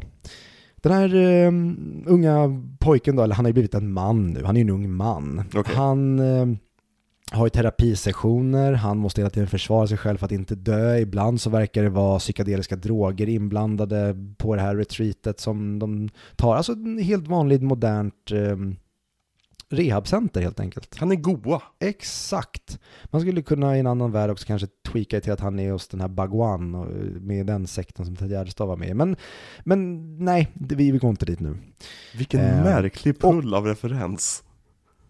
Mm, det kan vara så när jag skriver film. Ja, jag, är imponerad. Fortsätt. Du, du ska få se i den tredje uppföljaren, när, då ska du få se vad jag hittar på grejer. Du, jag kommer ha väldigt många notes på din tredje uppföljare kan jag säga. Det tror jag inte. Den kommer vara spikrakt, inga plot holes. Det kommer vara precis som den här filmen. Tydligt, klart, rakt. Handlar om mer fysisk ohälsa än mental kanske. Vi får se. Jag har inte bestämt mig Okej. riktigt hur jag skriver den än. Och vad, vad händer med den här pojken nu då? Mannen? Den här, den här pojken, han blir till slut frisk, tror man. Eh, och på sin vad ska man säga, examensdag, när han då ja, ska komma ut i världen igen och vara nykter, då Mhm. visar det sig att han har blivit radikaliserad och gått med i en terrorsekt som tydligen eh, mördar människor. Jag hatar när det händer. Ja, det, vad fan det kan hända den bästa. Alltså vi vet ju, är det någonting sekter gör så är det att utge sig för att vara någonting som de inte är. Ja, men Det så händer du, tyvärr. Du går på lite yogakurser, du åker iväg på ett retreat, och så vaknar du en dag och så erbjuder någon dig Kool-Aid. Mm. Det det är läskig värld vi lever i. Fortsätt, förlåt, jag bröt dig. Mm. Men då tar ju då Jordan Peterson slash Andrew Tate, han tar ju fram ett svärd och säger då för att du ska få bli en av oss här och få din eh, första mm, sober for 10 days peng, Mm. då måste du hugga huvudet av den här kinesmannen. Och eh, trots att den här Jordan Peterson, Andrew Tate-mannen har gjort allt och liksom fått den här killen på benen igen, så säger han att nej, jag vill inte göra som du säger. Och så slutar med att han bränner ner hans hus och lämnar honom hos en kinesgubbe på berget. Okej. Och sen så ringer han till Alfred och säger så här, eh, jag vet att ni tror att jag är död, men kan du komma och hämta mig med ditt flygplan? Och så gör han det. Okej, och där är filmen slut. Nej, nej, nej, nu börjar filmen skulle man kunna säga. Nu ska, eh, här, man, man skulle kunna, jag vill inte spoila någonting än, men han kommer nog att ehm, tappa det så mycket att han uppfinner ett alter ego och går runt svartklädd och eh, spöar upp folk i stan. Men, Som eh, Liam Neeson. fast Liam Neeson var inte svartklädd, han ville spöa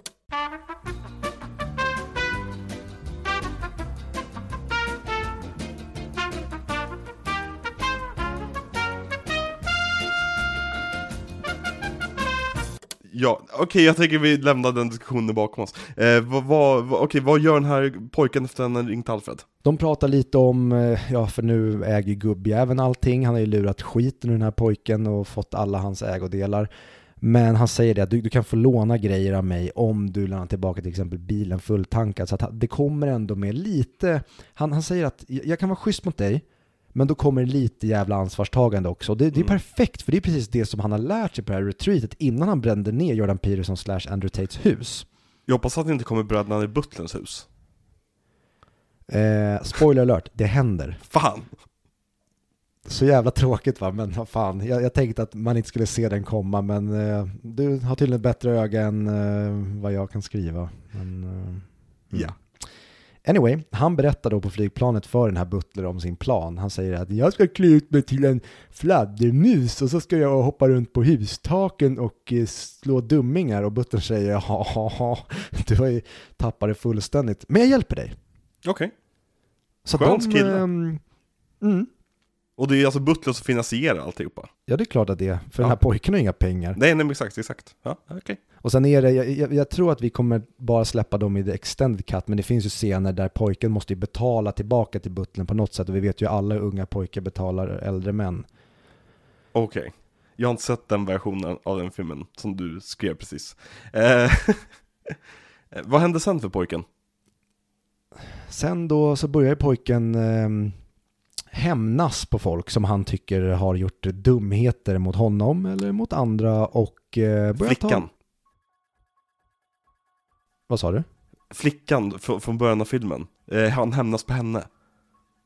Nej, Nähä. Utan ehm, han låtsas ju vara någon han inte är för henne, som, som vi killar gör. Man, man Mm. spelar en roll framför tjejens ögon för att man ska låtsas vara någon som man inte är. Och, ja, vad, vad, kan man säga? Lider man av psykisk ohälsa och vid det här stadiet skulle man kunna säga att han led, lider av schizofreni.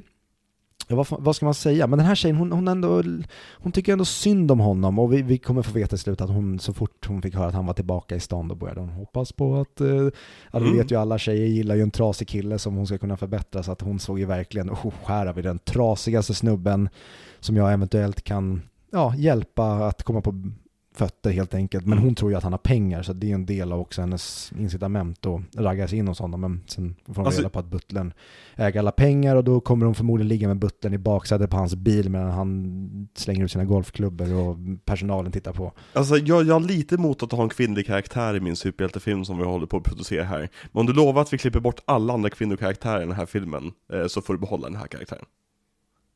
Mm, vi kommer behöva med hon från Following, alltså Ja men hon, hon hon som infiltrerade, jo men det, det henne har jag redan, räknat med. Hon kan få typ en line eller två, och därmed prata mer än någon annan kvinna i filmen förutom Rachel Dawes.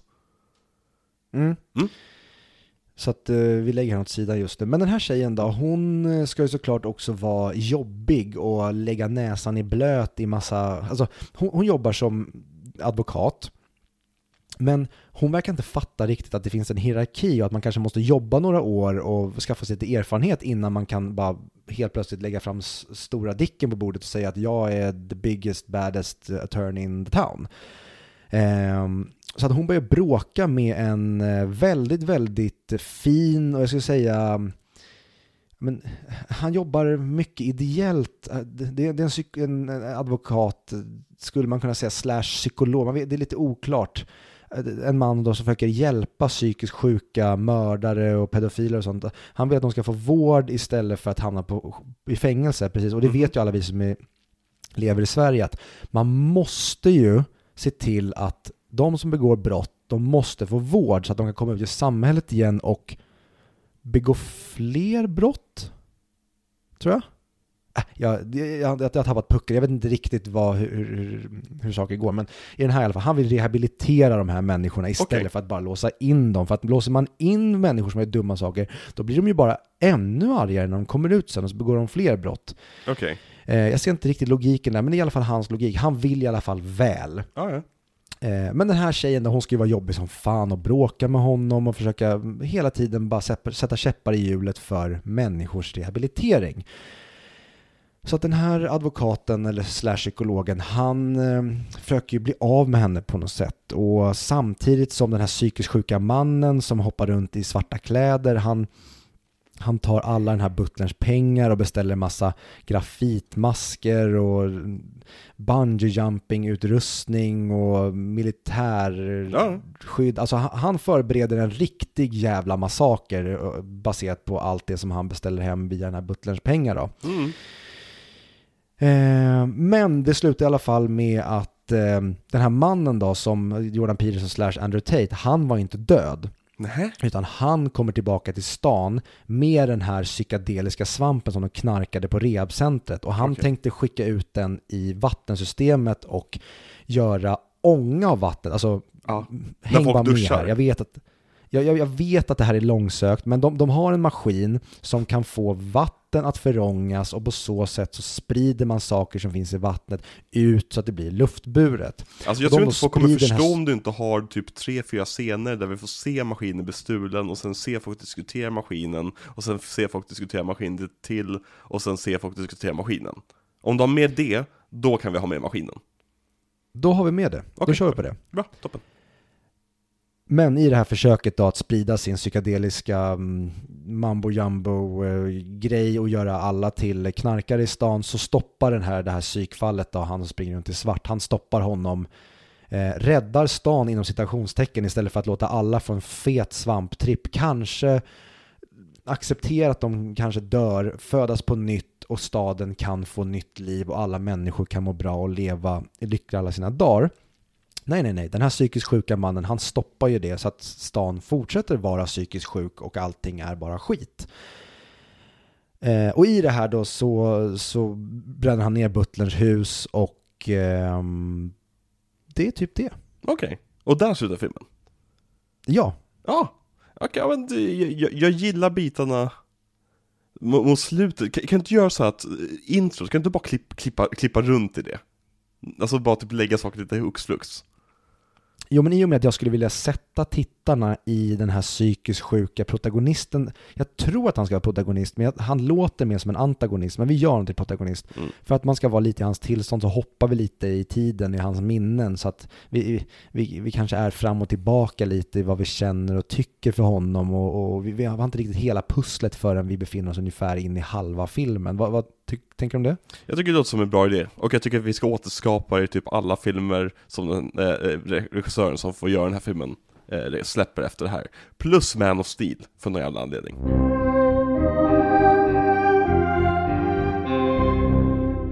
Vad tycker du om Christian Bale? Jag tycker, nu måste jag släppa den här um, författarhjärnan som jag haft nu när jag har varit en briljant manusförfattare. Jag eh, älskar Christian Bale.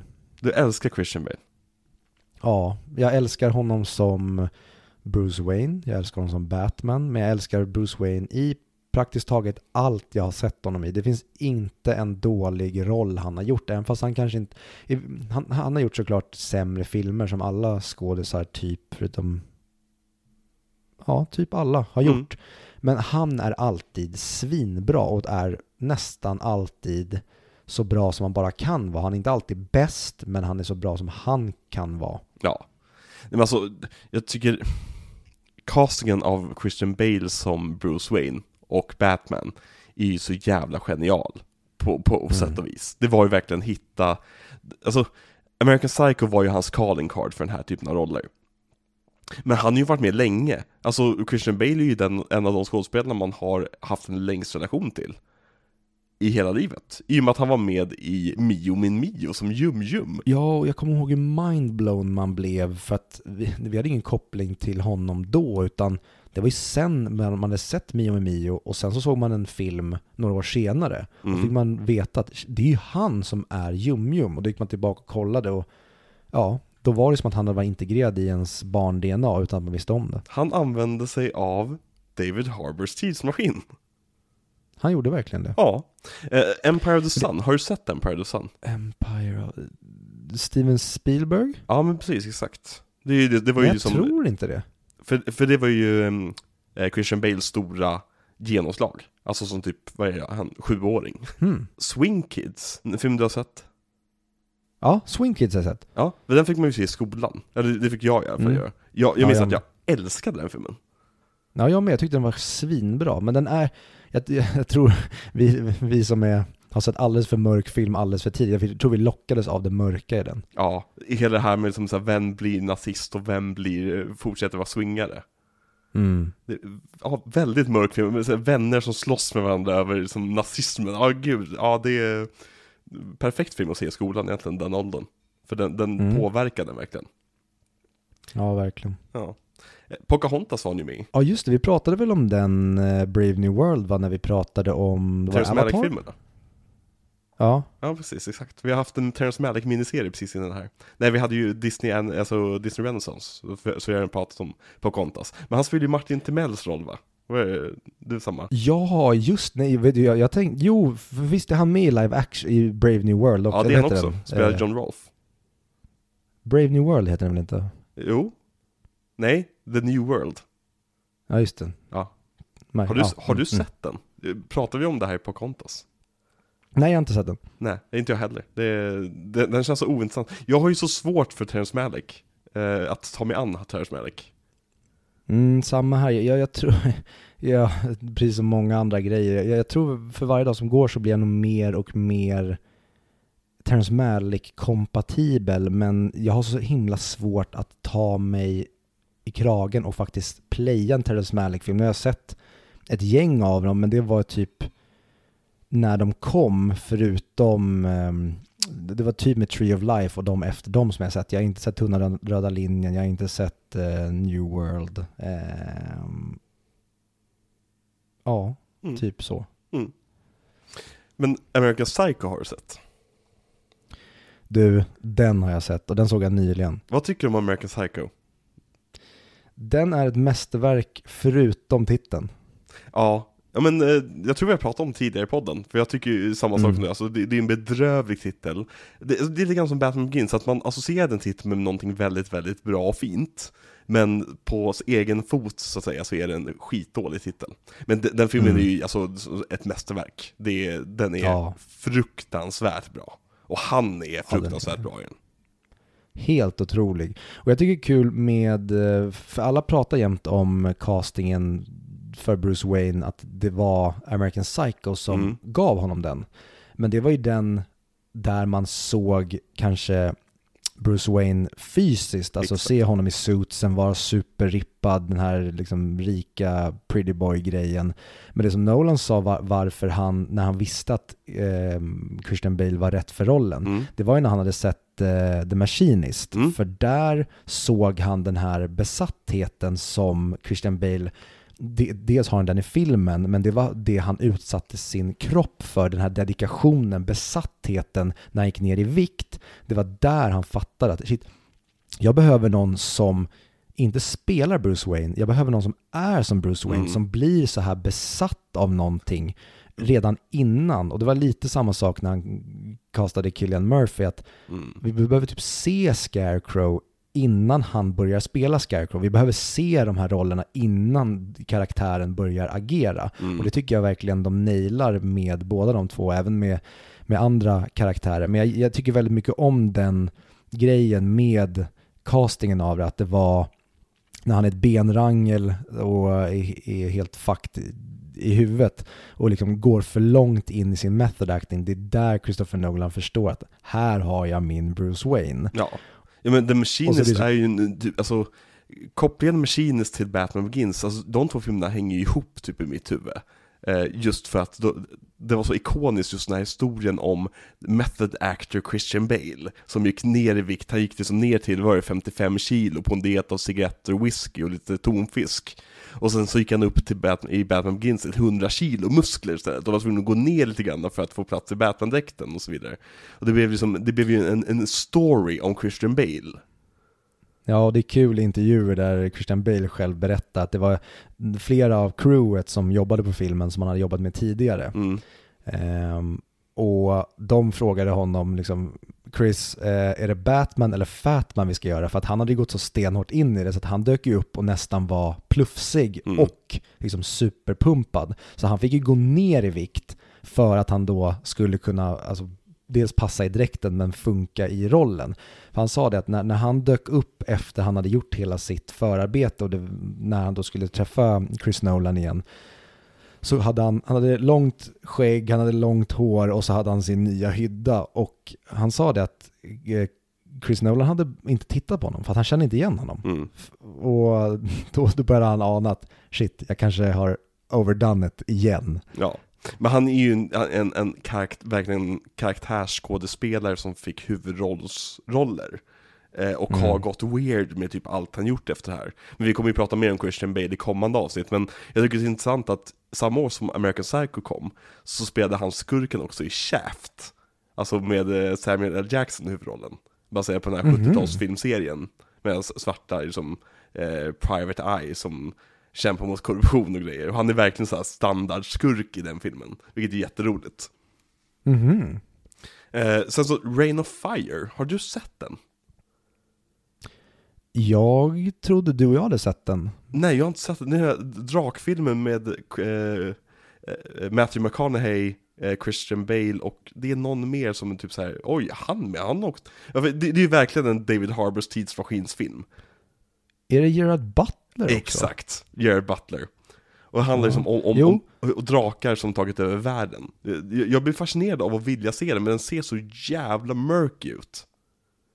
Ja, jag eh, kommer ihåg att jag hyrde den eh, på VHS, tror jag till och med att det var, eller så var det DVD.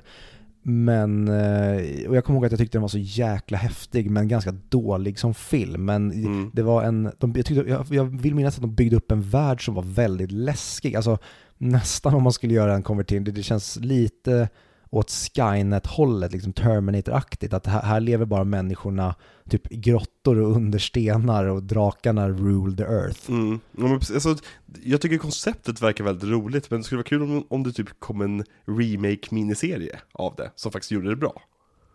Mm? Eh. Sen så, Equilibrium, det är ju en så här legendarisk nördkultfilm. Har du sett Equilibrium? Nej. Vet du vilken film det är? Ja. Det är filmen som skapade konceptet gun kata, alltså typ att man kampsport fast med pistoler i bägge händerna. Väldigt Matrix-inspirerad eh, och väldigt, alltså intressant koncept, det handlar om en framtidsvärld, lite orwelliansk, eh, där känslor är förbjudna. och alla tar typ ett piller som gör så att de inte känner känslor. Eh, och Christian Bale hittar, jag tror att han hittar en hundvalp som gör att han typ slutar ta de här pillerna och börjar få känslor igen och, och så blir det uppror mot, ja. Men när den kom, kom i Sverige så bytte de namn på den för de tyckte att Equilibrium var en så svår titel. Så i Sverige heter den Cubic, Eh, Okej. vilket väldigt, älskar så här, svenska översättningar på saker som inte behöver översättas till ett annat engelskt ord också. Väldigt märkligt. Det är som när Walkman skulle släppas i Sverige och vi valde att benämna det Freestyle. Ja. Kunde de inte döpt den istället till eh, Titta vi känner inget? Exakt, Titta vi känner ingenting, och har med Goldie Hawn, de klipper in henne. Eller vem är det som Mm. är med i Titta? Jo men det är väl, Nej men Titta vi flyger, det är väl Airplane? ja men de döpte fler filmer till Titta vi någonting. Eller var det bara Airplane? Blandade jag ihop den med tjejen som visste för mycket och eh, Ja, en tror det. värsting till? Ja, ja, precis. Men det finns ju massa sådana där snarlika som man blandar ihop. Väldigt märkligt svenskt fenomen på 70 och 80-talet att liksom göra inofficiella filmserier bara för att de har samma skådespelare. Ja, men idag kan jag nästan sakna det när vi är så jäkla USA torskade på ett annat sätt. Att Mm. Det var ändå någonting fint med våra helt hjärnskadade översättningar. Ja, verkligen. Eh, Men tillbaka till Christian Bale. För att castingen av Christian Bale, det är ju en av de här gångerna, första gångerna i världshistorien där internet fick vara med och bestämma.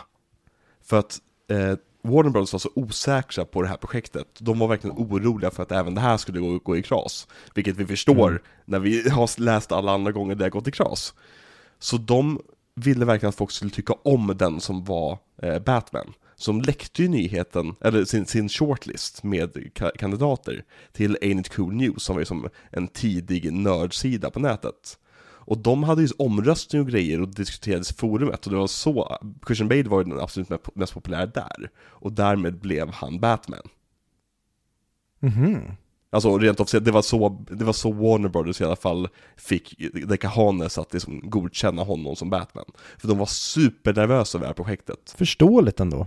Ja men det är ju verkligen, i och med att sagt, jag ramlade, ramlade igenom alla Batman-projekt mellan eh, förra Batman-projektet och det här liksom. Och det, allting gick i kras, det gick åt helvete varje gång. Och de försökte ju verkligen, de slutade ju aldrig försöka. Mm. Så ja. Men vad tycker du om Christian Bale som Bruce Wayne gentemot Christian Bale som Batman? Jag tycker att han rockar båda. Och eh, Mhm.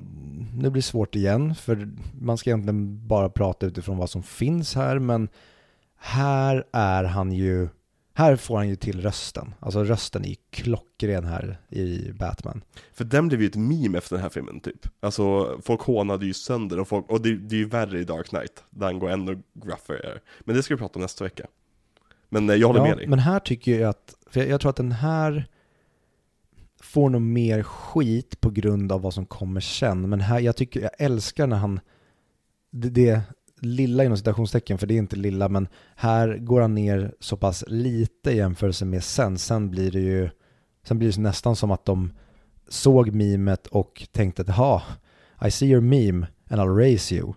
Ja men typ. Men jag, jag tycker framförallt om, jag tycker han är jättebra som Batman, men det är... mm, Jag tycker mer hur Batman används och, och Christian Bale nästan åker med det snarare än att han gör jätte, jättemycket med just Batman. Men jag tycker Mm. att hans, eller hans Bruce Wayne är amazing. Alltså är verkligen, man, man, jag, man köper honom som både trasig, smart, ambitiös, besatt. Äh, all, alla delar som de liksom kastar på Bruce Wayne i den här filmen nailar han perfekt. Ja, alltså min tolkning av vad jag tycker, vilket är en väldigt märklig mening, inser jag nu, eh, men är att eh, vem den bästa Batman är, är en diskussionsfråga för mig. Det är lite grann upp till från vilken dag, vilken film såg jag senast, lite sånt där. Men på frågan vem är den bästa Bruce Wayne, det är självklart eh, eh, Christian Bale. Men det är också han, han är den enda som faktiskt får vara Bruce, Bruce Wayne. Ingen annan, det, det, det som är speciellt med den här filmen, att det här är den enda Batman-filmen som faktiskt försöker fokusera på Batman. Alla tidigare Batman-filmer Mm. har ju varit mer intresserade av skurkarna. Och att liksom göra origin stories och, och karaktärsutveckling för skurkarna men inte för Batman. Men här är den enda Batman-filmen som faktiskt visar oss vad Bruce Wayne versus Batman, vem är masken, vem är personen, vad den grejen är för något. Och det tycker jag är så jävla Mm. häftigt med den här filmen. Och det får Christian Bale fram så jäkla mycket. Speciellt sen när han, när han försöker låtsas vara en mer playboyig version av Bruce. Mm, Den det för att han är full och grejer. underbart. Ja, alltså det, det är masterclass acting liksom av Christian Bale. Ja, för som du säger, alltså han spelar ju tre roller i den här filmen. Han är ju Bruce Wayne, han är Batman och han är Bruce Wayne, den offentliga Bruce Wayne. Exakt. Och jag tycker Masken. nästan, ja, precis, jag tycker nästan hans offentliga Bruce Wayne är den mest imponerande bimbon. Alltså den är jättebra och jag tycker så mycket om, det är så mycket bra humor och Ja. sorg i hur han fördärvar sitt legacy genom filmen. Jag tycker det, det insåg jag den här gången när jag kollade på filmen att jag minns inte att den här filmen var så jävla rolig. Den, den, Inte alltså, jag heller. den här filmen hade många skämt som funkade väldigt bra, speciellt från Christian Bales håll. Och det tapp, Mm. vill jag minnas i alla, fall, att det tappar de helt i tvåan och trean. Att liksom, de blir verkligen, det finns ingen, ingen levity alls att ta tillvara på. Det behöver nästan en film som är så här pass self-serious. Du behöver skratta lite grann, men om du gör det för mycket, då havererar ju alltihopa. Så jag tycker att här är, har vi en bra balans i humorn. Mm. Jo, men det är också en grej som jag kommer vilja ta upp sen när vi kommer till Dark Knight, jämförelsen med olika tonalitetsval och ja, men, koppla det till Batman vs. Batman-film eller film vs. film. Och varför är den ena bättre på det sättet, varför är den andra bättre på det andra sättet. Men det tar vi när vi kommer till Dark Knight. Ja. Har du någon, eller för det kan vi vänta till nästa, nästa vecka. Eller nästa, nästa vecka, kanske. Jag tänkte fråga om du har någon favorit Christian Bale performance, men eh, vi, vi håller på den. Vi har fler Christian Bale-filmer att prata om. Ja, men det vore nästan kul, nu kommer jag säkert glömma bort det, men det vore kul nästan i um, Dark Knight Rises att sy ihop säcken med något sånt. Mm, ja men därför, vi, om, om, vi kommer ihåg det. vi är inte så bra på att komma ihåg saker. Klarar den här filmen Bechdel-testet, Viktor? Så in i helvete heller. Det finns knappt några kvinnor i filmen. Nej, men då kommer jag till en kritik jag har till den här filmen. Eller det, det är egentligen inte en kritik, men jag tycker det är synd att den... Prosit. Tack så mycket. Jag tycker det är synd att den, den hade kunnat göras på ett annat sätt utan att egentligen stjäla någonting alls. För nu när jag ser den idag, då tycker jag att den stjäl, för jag, jag, jag lägger märke till den. Jag, jag tror aldrig jag gjort det tidigare, eller gjorde jag i alla fall inte den första gången jag såg den. Men det är just hur kall, anonym och aristokratisk mamman är. Ja men så här, mamman är en icke-karaktär på grund av att vi har fem minuter på oss att lära känna pappan. Och Nolan är smart, istället för att ge oss en halv karaktärsutveckling till, till mamman och en halv karaktärsutveckling till pappan Så väljer han en förälder och verkligen fokuserar på den så att vi verkligen känner någonting när pappan dör eh, Men jag tänkte också på det, mamman är ju så anonym hon, hon, har typ två lines i filmen och bägge är riktade till Bruce med typ så här, Är du okej okay, Bruce? ja, alltså ja, men jag hade velat se, för att jag tycker de nailar pappan klockrent. Vi känner, alltså jag bölar som ett barn när, ehm, alltså efter begravningen när han säger I missed him Alfred, mm. I missed him so much. Alltså det är så otroligt fint och det är just att man känner så mycket för pappa. Men jag hade velat ha lite, lite, lite till. Alltså du kan ge mamman exakt samma screen time, exakt lika många repliker.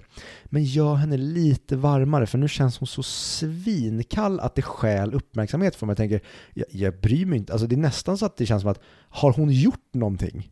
Men Victor, Victor, Victor, så här, om det kommer en, Batman, en film där Batman dyker upp om, om flera år, då kan vi fokusera extra mycket på, på mamman, och speciellt vad hennes namn är. Jag tror att det är lösningen, och det är enda sättet att jag kan förlåta den här filmen. Vad bra. Michael Caine spelar ju Alfred, Alfred Pennyworth. Mm. Vad tycker du om Michael Caine överlag? I love me some cocaine.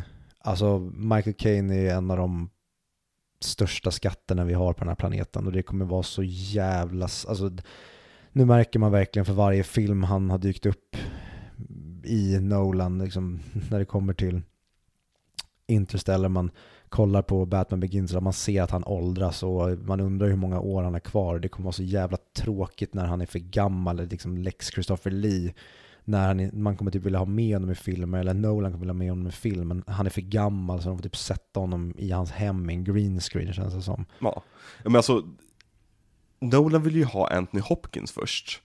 Och det, det säger ju verkligen hur Nolan tänkte att jag vill ha en, en, en legendarisk brittisk skådespelare som ska bära den här rollen för att Alfred bär, alltså de som bär mycket, typ hela filmen på sina axlar, det är Alfred och Lucius när det kommer till exposition. Så du måste verkligen ha ett jävla superproffs leverera. Men jag tycker det är intressant också, bara för att bryta ämne helt ett tag, det här med de alternativa skådespelarna. Alltså, jag, jag, kan verkligen inte se en Batman Begins med typ Anthony Hopkins som Alfred. Eller, jag menar, typ Killian Murphy som, som Batman. Vi såg att Heath Ledger var påtänkt som Batman ett tag. Ja, och, och den hade jag ju faktiskt kunnat se. Jag kan mm. verkligen, alltså en, verkligen en jättelik version som uh, Christian Bale gör. Mm. Men en, någonting som jag läste som jag tyckte var verkligen spot on casting som jag hade velat se ett alternativt universum, det är Ewan McGregor som Scarecrow. Åh, oh, ja, verkligen. Spela upp hans gingerness. Det hade känts som att han hade kunnat rocka den som fan. Sen även Lawrence Fishburne var ju från början eh, Lucius alternativ. Mm. Men där hade tydligen David S. Goyer, han hade skrivit med Morgan Freeman i huvudet så att det blev han till slut. Men jag hade verkligen kunnat se Lawrence Fishburne göra en Lucius Fox. Mm. Jake Gyllenhaal var också påtänkt som Batman. Ja, och Men det är för tidigt. det hade jag bara vilja se i Dark Knight när syskonen skulle kyssa varandra. Ja, verkligen, för det är det du gillar. Men det som är intressant, många av de här gjorde ju screentests. Och vet du vem som läste mot alla de här personerna på screentesten? Nej?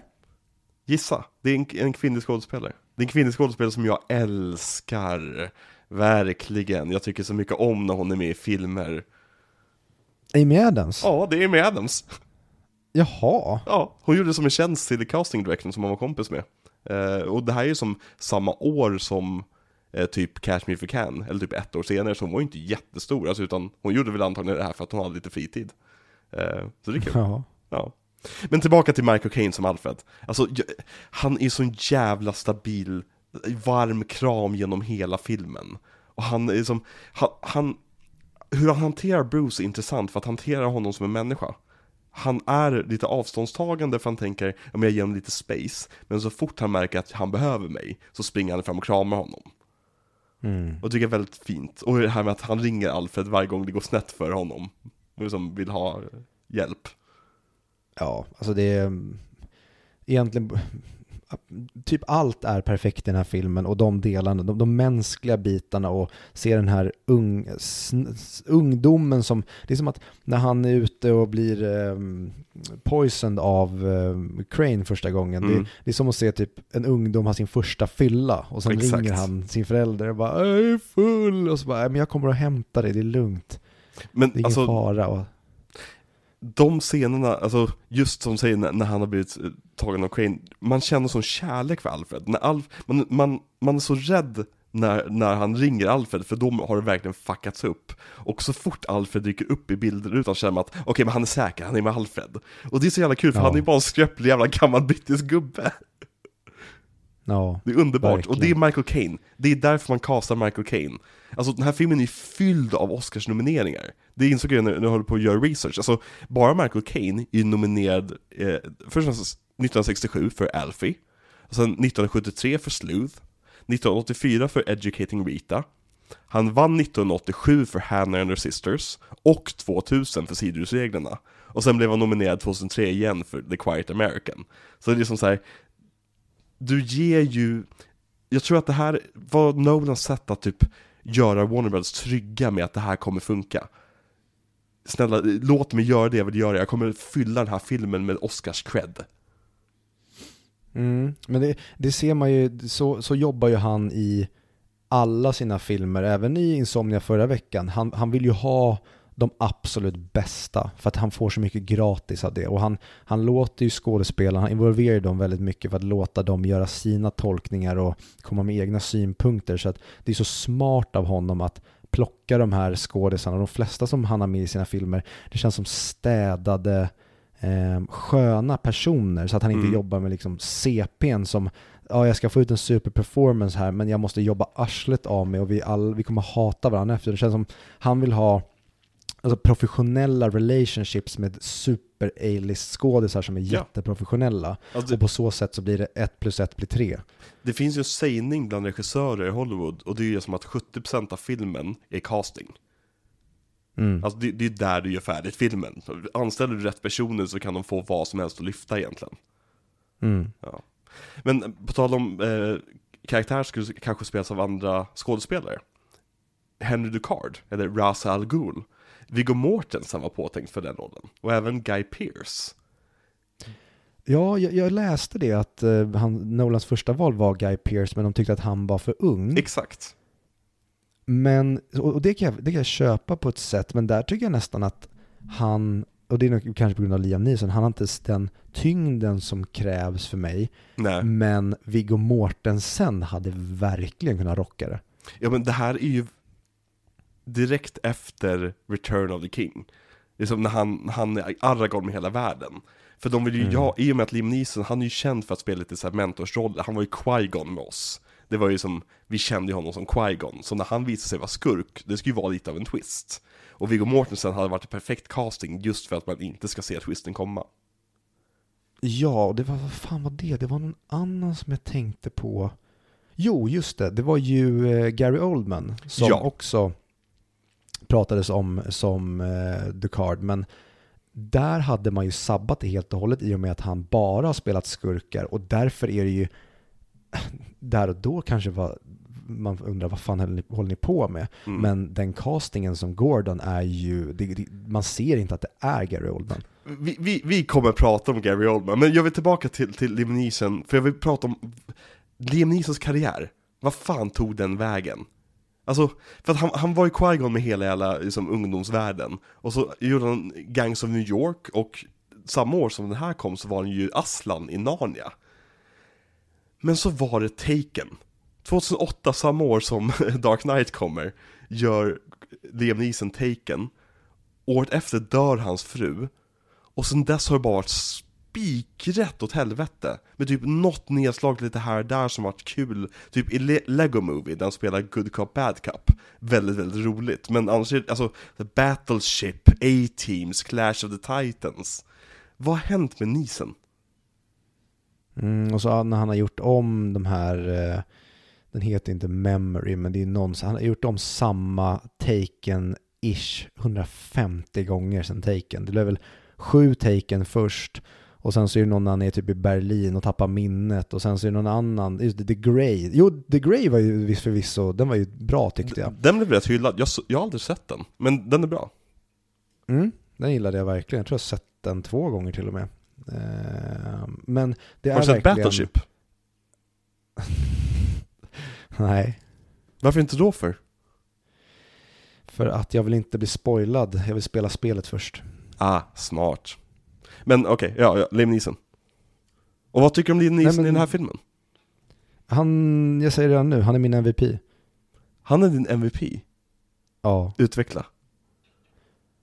Nej men dels att han, för han får göra också flera roller. Han gör först den varma fostrande liksom farbrorn och han är så himla sårbar när han berättar om sin fru och jag älskar bara att höra honom prata filosofi eller han pratar om ja, men hur, Bruce ska resa sig från saker och han kritiserar Bruce pappa och ja, men hela den de- delen är typ min favoritdel med filmen. Det är när, när han tränas och man bara hör Liam Neeson prata med honom och viska saker i, in i hans huvud så att han ska bli starkare. Och sen så är det sån jävla gut punch när han dyker upp där på festen och bara Du lämnade mig för att dö. Det var Ja. inte så jävla smart gjort. Så nu jävlar ska jag bränna ner din stad. Alltså, för mig, alltså jag skulle säga, den här filmen har- har ingen LVP på något sätt. All- Allting är briljant med den här filmen. Men jag tycker L- jag gillar honom under träningsbiten, det gör jag väldigt mycket. Men när han är Ra's al i slutet, alltså typ på festen, känns det ibland som att han tar i lite för mycket. Det känns som att han känns som att, eller känner att om jag är i en superhjältefilm, jag måste hämma till lite grann. Det är en line som du får mig att cringea lite grann varje gång och det är Burn London to the ground. Och det- det är någonting där som känns li, lite för teatraliskt för den typen av eh, som film de är i. Men, men han funkar Mhm. för, men alltså, det är inget fel på Lisa, jag tycker jättemycket om honom i den här filmen. Och det är som det är, han, han är som gjord för att spela den här versionen av liksom, Ra's al Ghul. Men det är just vissa, vissa readings här och där som känner att nu, nu tar du i lite för mycket. Eh, Men eh, jag fattar varför du tycker om honom också. Han är ju otroligt charmig, alltså han är ju som det här urexemplet av djävulen. Att liksom, man ska Ja, lita på honom. Nej, jag, jag tycker han är helt fantastisk och man, man, alltså han, Ra's al Ghul är ju där från början. Så när man ser om Batman Begins så är det, ja men vad fan, allt är ju där hela tiden. Det är bara att Bruce inte ser det. Exakt. Och det är kul just med Ken Watanabe, som typ året innan blev stor med eh, The Last Samurai. Så fick en liten, i, i alla eh, trailers, då ser det ut som att det är han som slåss mycket med Bruce Wayne, för att de använder deras fight väldigt mycket uppklippt. Eh, så är han med i typ fem minuter i hela filmen. Men som tur var får, Mhm. får Ken Watanabe lite roligare roller av Nolan senare. Det kanske han får. Han ska ju vara med i Oppenheimer och bli sprängd av en bomb. Just det. Ja. Eh, Katie Holmes, som Rachel! Ja, här, jag, jag försvarar alltid henne för att det, hon får väldigt mycket kritik. Men jag tycker att hon är typ, förutom eh, min, min LVP är, jag tycker inte ens vi behöver egentligen prata så mycket om honom, men det, det är Loeb. Jag tycker att han är, jag blir typ arg så fort han dyker upp, för han är så jävla osympatisk i varje scen. Han blir ju värre i, eh, i nästa film. Men jag tycker Men- det är inte skådespelarens fel. Alltså, det betyder att han är bra skådespelare, för han ska ju vara lite osympatisk. Ja, precis, men, men det är, jag tycker att det hade kunnat räcka med att bara inte göra, han hade, han hade kunnat vara neutral, men nu gör de honom så jävla fittig, så jag blir typ arg på Ja, jag, Jag älskar nej, när han kommer in och, precis efter Thomas och Martha Wayne har dött Och så bara 'Good news kid' Och det, alltså säger du det till ett barn så kommer ju barnet tänka 'Åh, mina föräldrar lever' så här, 'We got the guy' Mm. Liksom, ja, nej det är kul Ja, nej men och men när det kommer till performance så är eh, Katie Holmes det svagaste. Men jag tycker fortfarande att hon är bra och jag tycker väldigt mycket om hennes och Christian Bales kemi.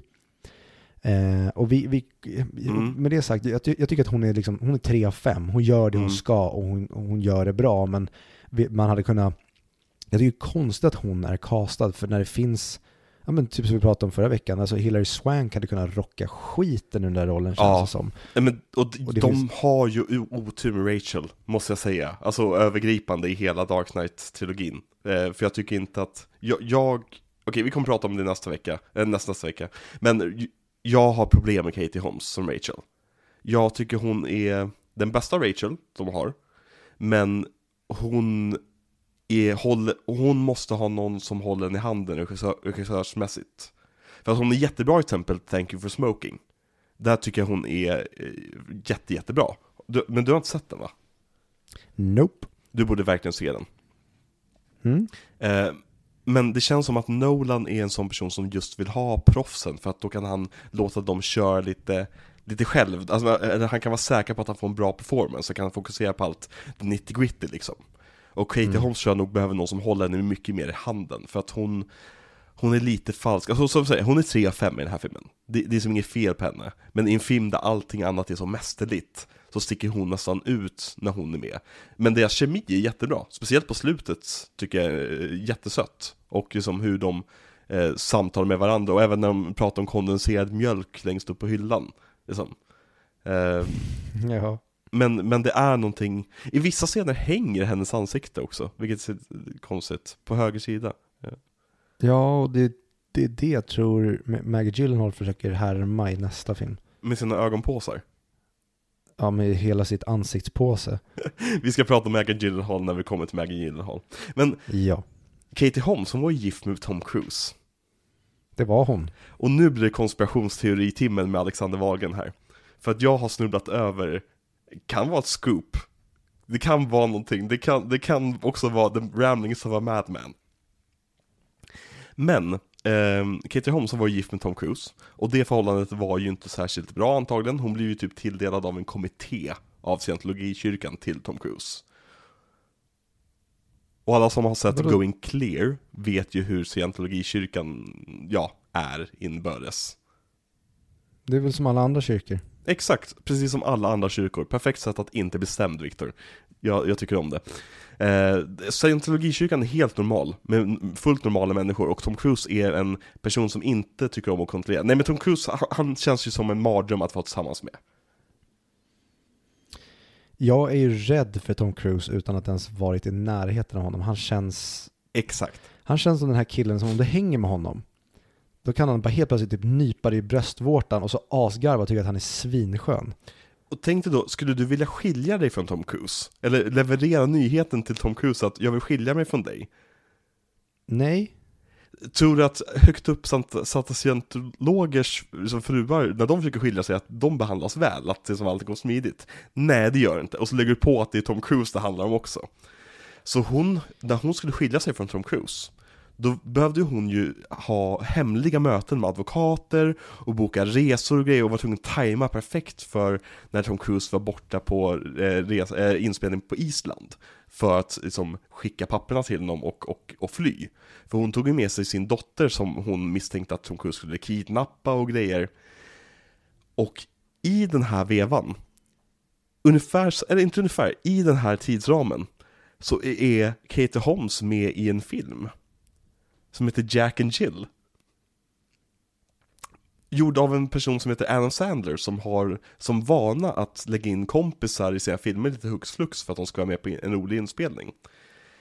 Min teori är att eh, Adam Sandler är en jävla ängel och gav eh, Katie Holmes, som hennes karriär var helt i, i, i som soptunna vid det här laget, gav henne en roll i Jack and Jill så att hon skulle ha en ursäkt för att kunna åka iväg och träffa advokater. För hon är inte med särskilt mycket i Jack and Jill. Och då tänker man att det låter som något som skulle kunna hända, eller hur? Kanske, Sure. kanske lite farfetched. Du skulle, man skulle nästan behöva ett till exempel på när Adam Sandler gjort någonting liknande, eller hur? För att tro på det.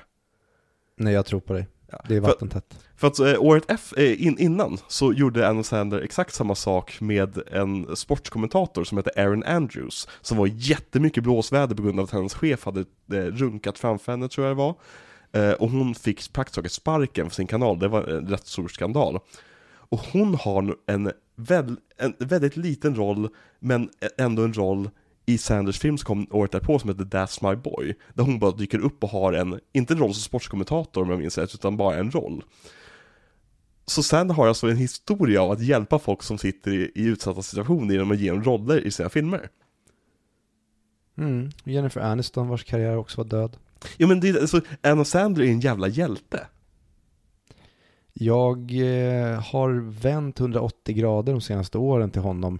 Inte på grund av att jag tycker mer om hans filmer, utan bara för att han verkar vara världens godaste snubbe. Mm. Nej, men det känns som att alla inspelningar, alla hans filmers inspelningar är verkligen, det är fester och det är kul att bara hänga med polarna liksom. Mm. Det är, ja, det- fan, bra kille. Irriterande på skär- skärmen tycker jag, men eh, bra kille i verkliga livet. Mm, jag håller med. Ja. Det är kul, Katie Holmes hon dejtade ju antagligen, det här är bara ett rykte som är, men som är lite bekräftat. Hon dejtade Jamie Foxx mellan 2013 och 2019. Jag, Oj, jag, och sen gick hon aldrig tillbaka. jag vill läsa på lite grann om hur, hur Jamie Foxx och eh, Tom Cruise relation var under de åren. För det känns som någonting Tom Cruise skulle ha väldigt mycket grudge över. Mm. Synd att det aldrig blev någon Collateral 2. Alltså jag ser ju framför mig, när han får reda på att han har fått skilsmässopapperna, så är ju framför mig scenen i Tropic Thunder. När han skriker. Verkligen. Det är ju hämtat rakt från hans riktiga liv antagligen. Och, nej, nej den är regisserad av Ben Stiller. Jag blandade Ja. alltid ihop Ben Stiller och Adam Sandler när jag var yngre. Taskigt mot Ben Stiller. Ja. Men Katie Holmes, hon har också fått lite priser. Hon har fått Razzies Aj då. för den här filmen och för Jack and Jill. För knyta ihop påsen lite grann där. Så egentligen så pissade Adam Sandler på henne. Ja, men alltså, det, alltså hon kommer ju inte tillbaka i Dark Knight. Och det var ju under, alltså, Det, det, det, det, det, det, tar vi nästa vecka. det kan vi ta nästa vecka. Vi går vidare Eller till Gary nästa, nästa Oldman. vecka. Vad tycker du om Gary Oldman som Gordon? Han är... Men han, han är också MVP. Alla är typ MVP, men... Eller hur? Åh, han, och det, han är nästan, okej, jag sa att Liam Neeson var min MVP, men Gary Oldman kommer ändå från det hållet han kommer ifrån och så går han in och blir den mysigaste farbrorn i hela världen från att ha varit den Ja! obehagligaste psykopaten i 10-15 år. Ja, han, han, han fick erbjudandet om att spela Ra's al Ghul för att han alltid spelar skurkar. Och han sa ju som att, alltså jag orkar inte mer. Kan, kan inte du bara ge mig en, en hjälteroll? Och så lyckas han naila Gordon på ett sätt som gör honom typ den, åter säga samma sak igen, men filmens varma kram. Liksom det är där medmänskligheten finns i filmen.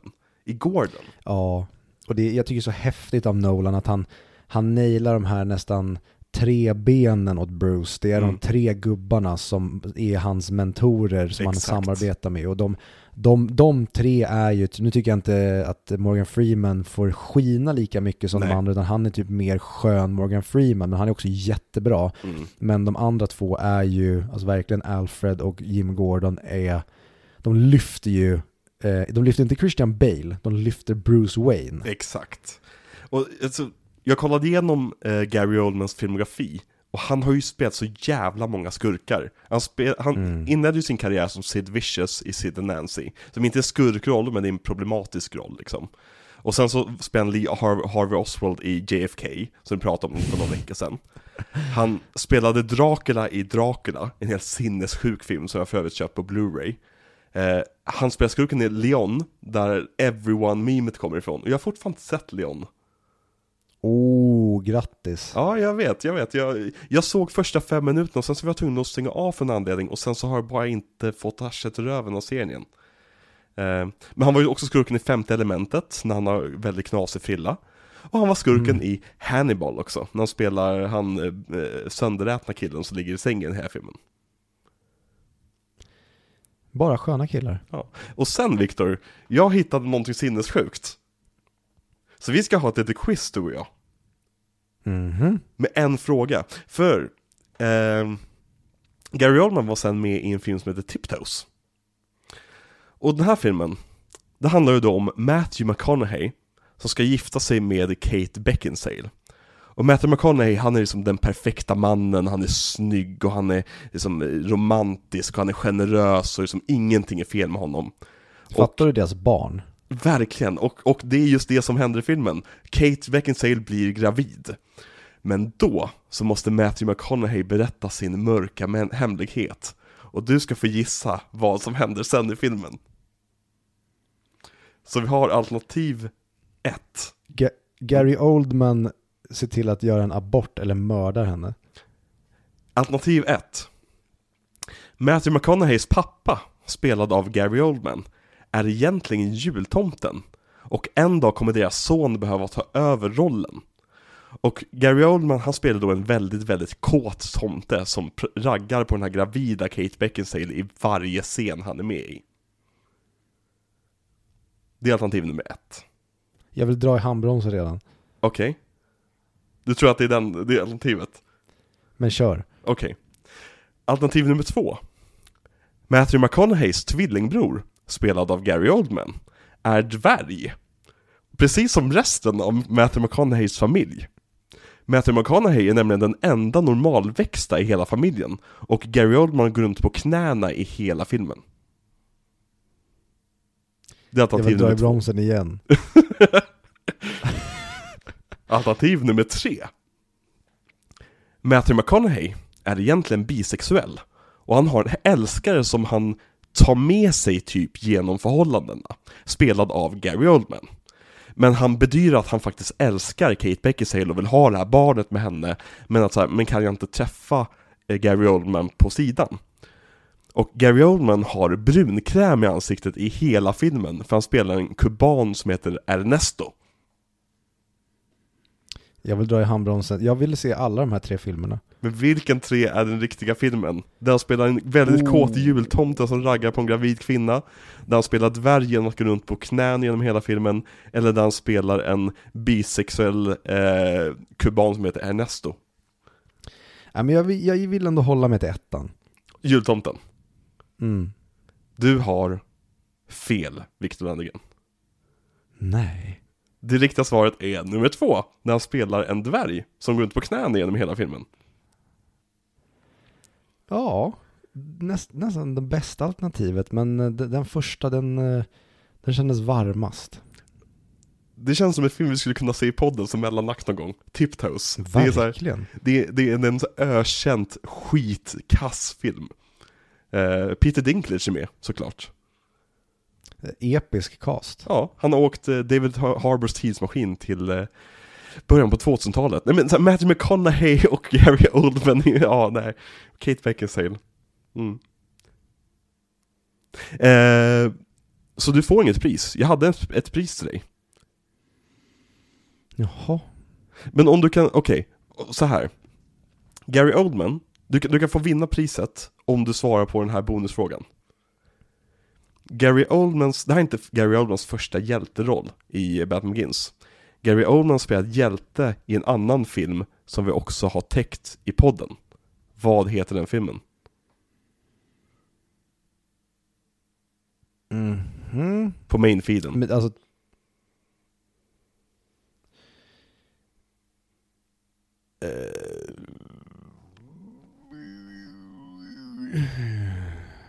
Vid det här laget, i hans, alltså Batman Begins-laget. Vä- vänta, vad, vad menar du? Okej, vid 2005 har Gary Oldman spelat en hjälteroll i en film som vi har, har haft i podden. Vilken Som vi gjorde ett avsnitt om? Ja.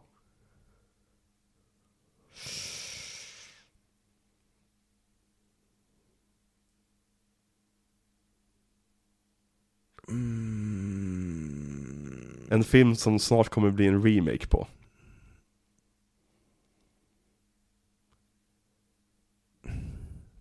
Jag tänkte säga Lilla Sjöjungfrun.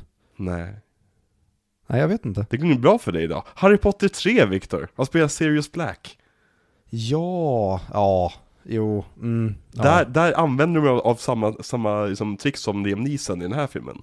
Att de castar någon Mhm. som är känd för att vara skurk, som de ska tro är skurk, och sen så visar sig att han är hjälte. Ja.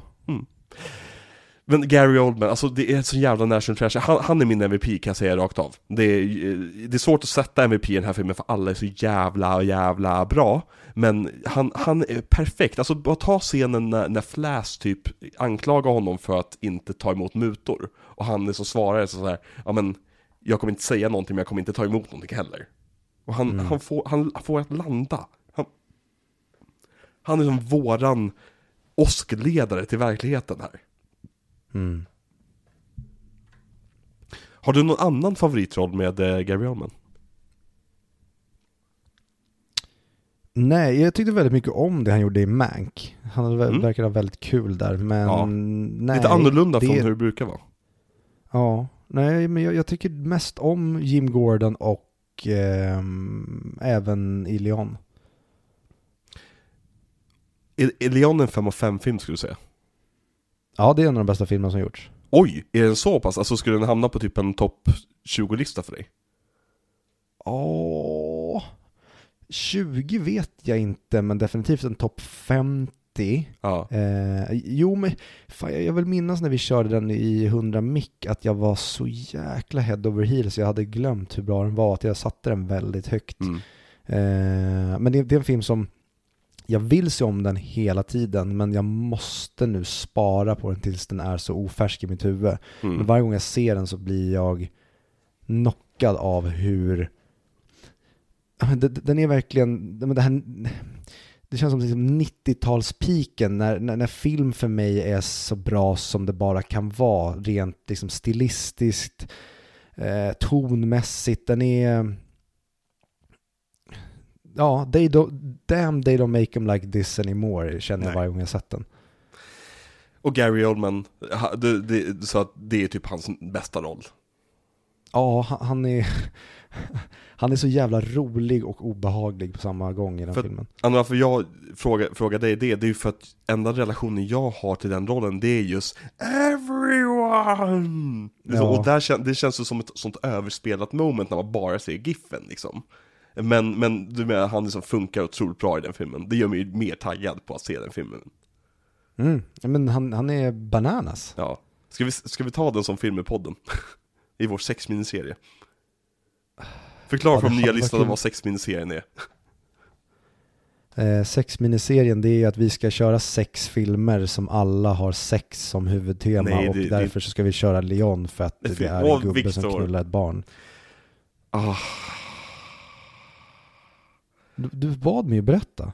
Jo men jag bad inte berätta på det sättet. Okej.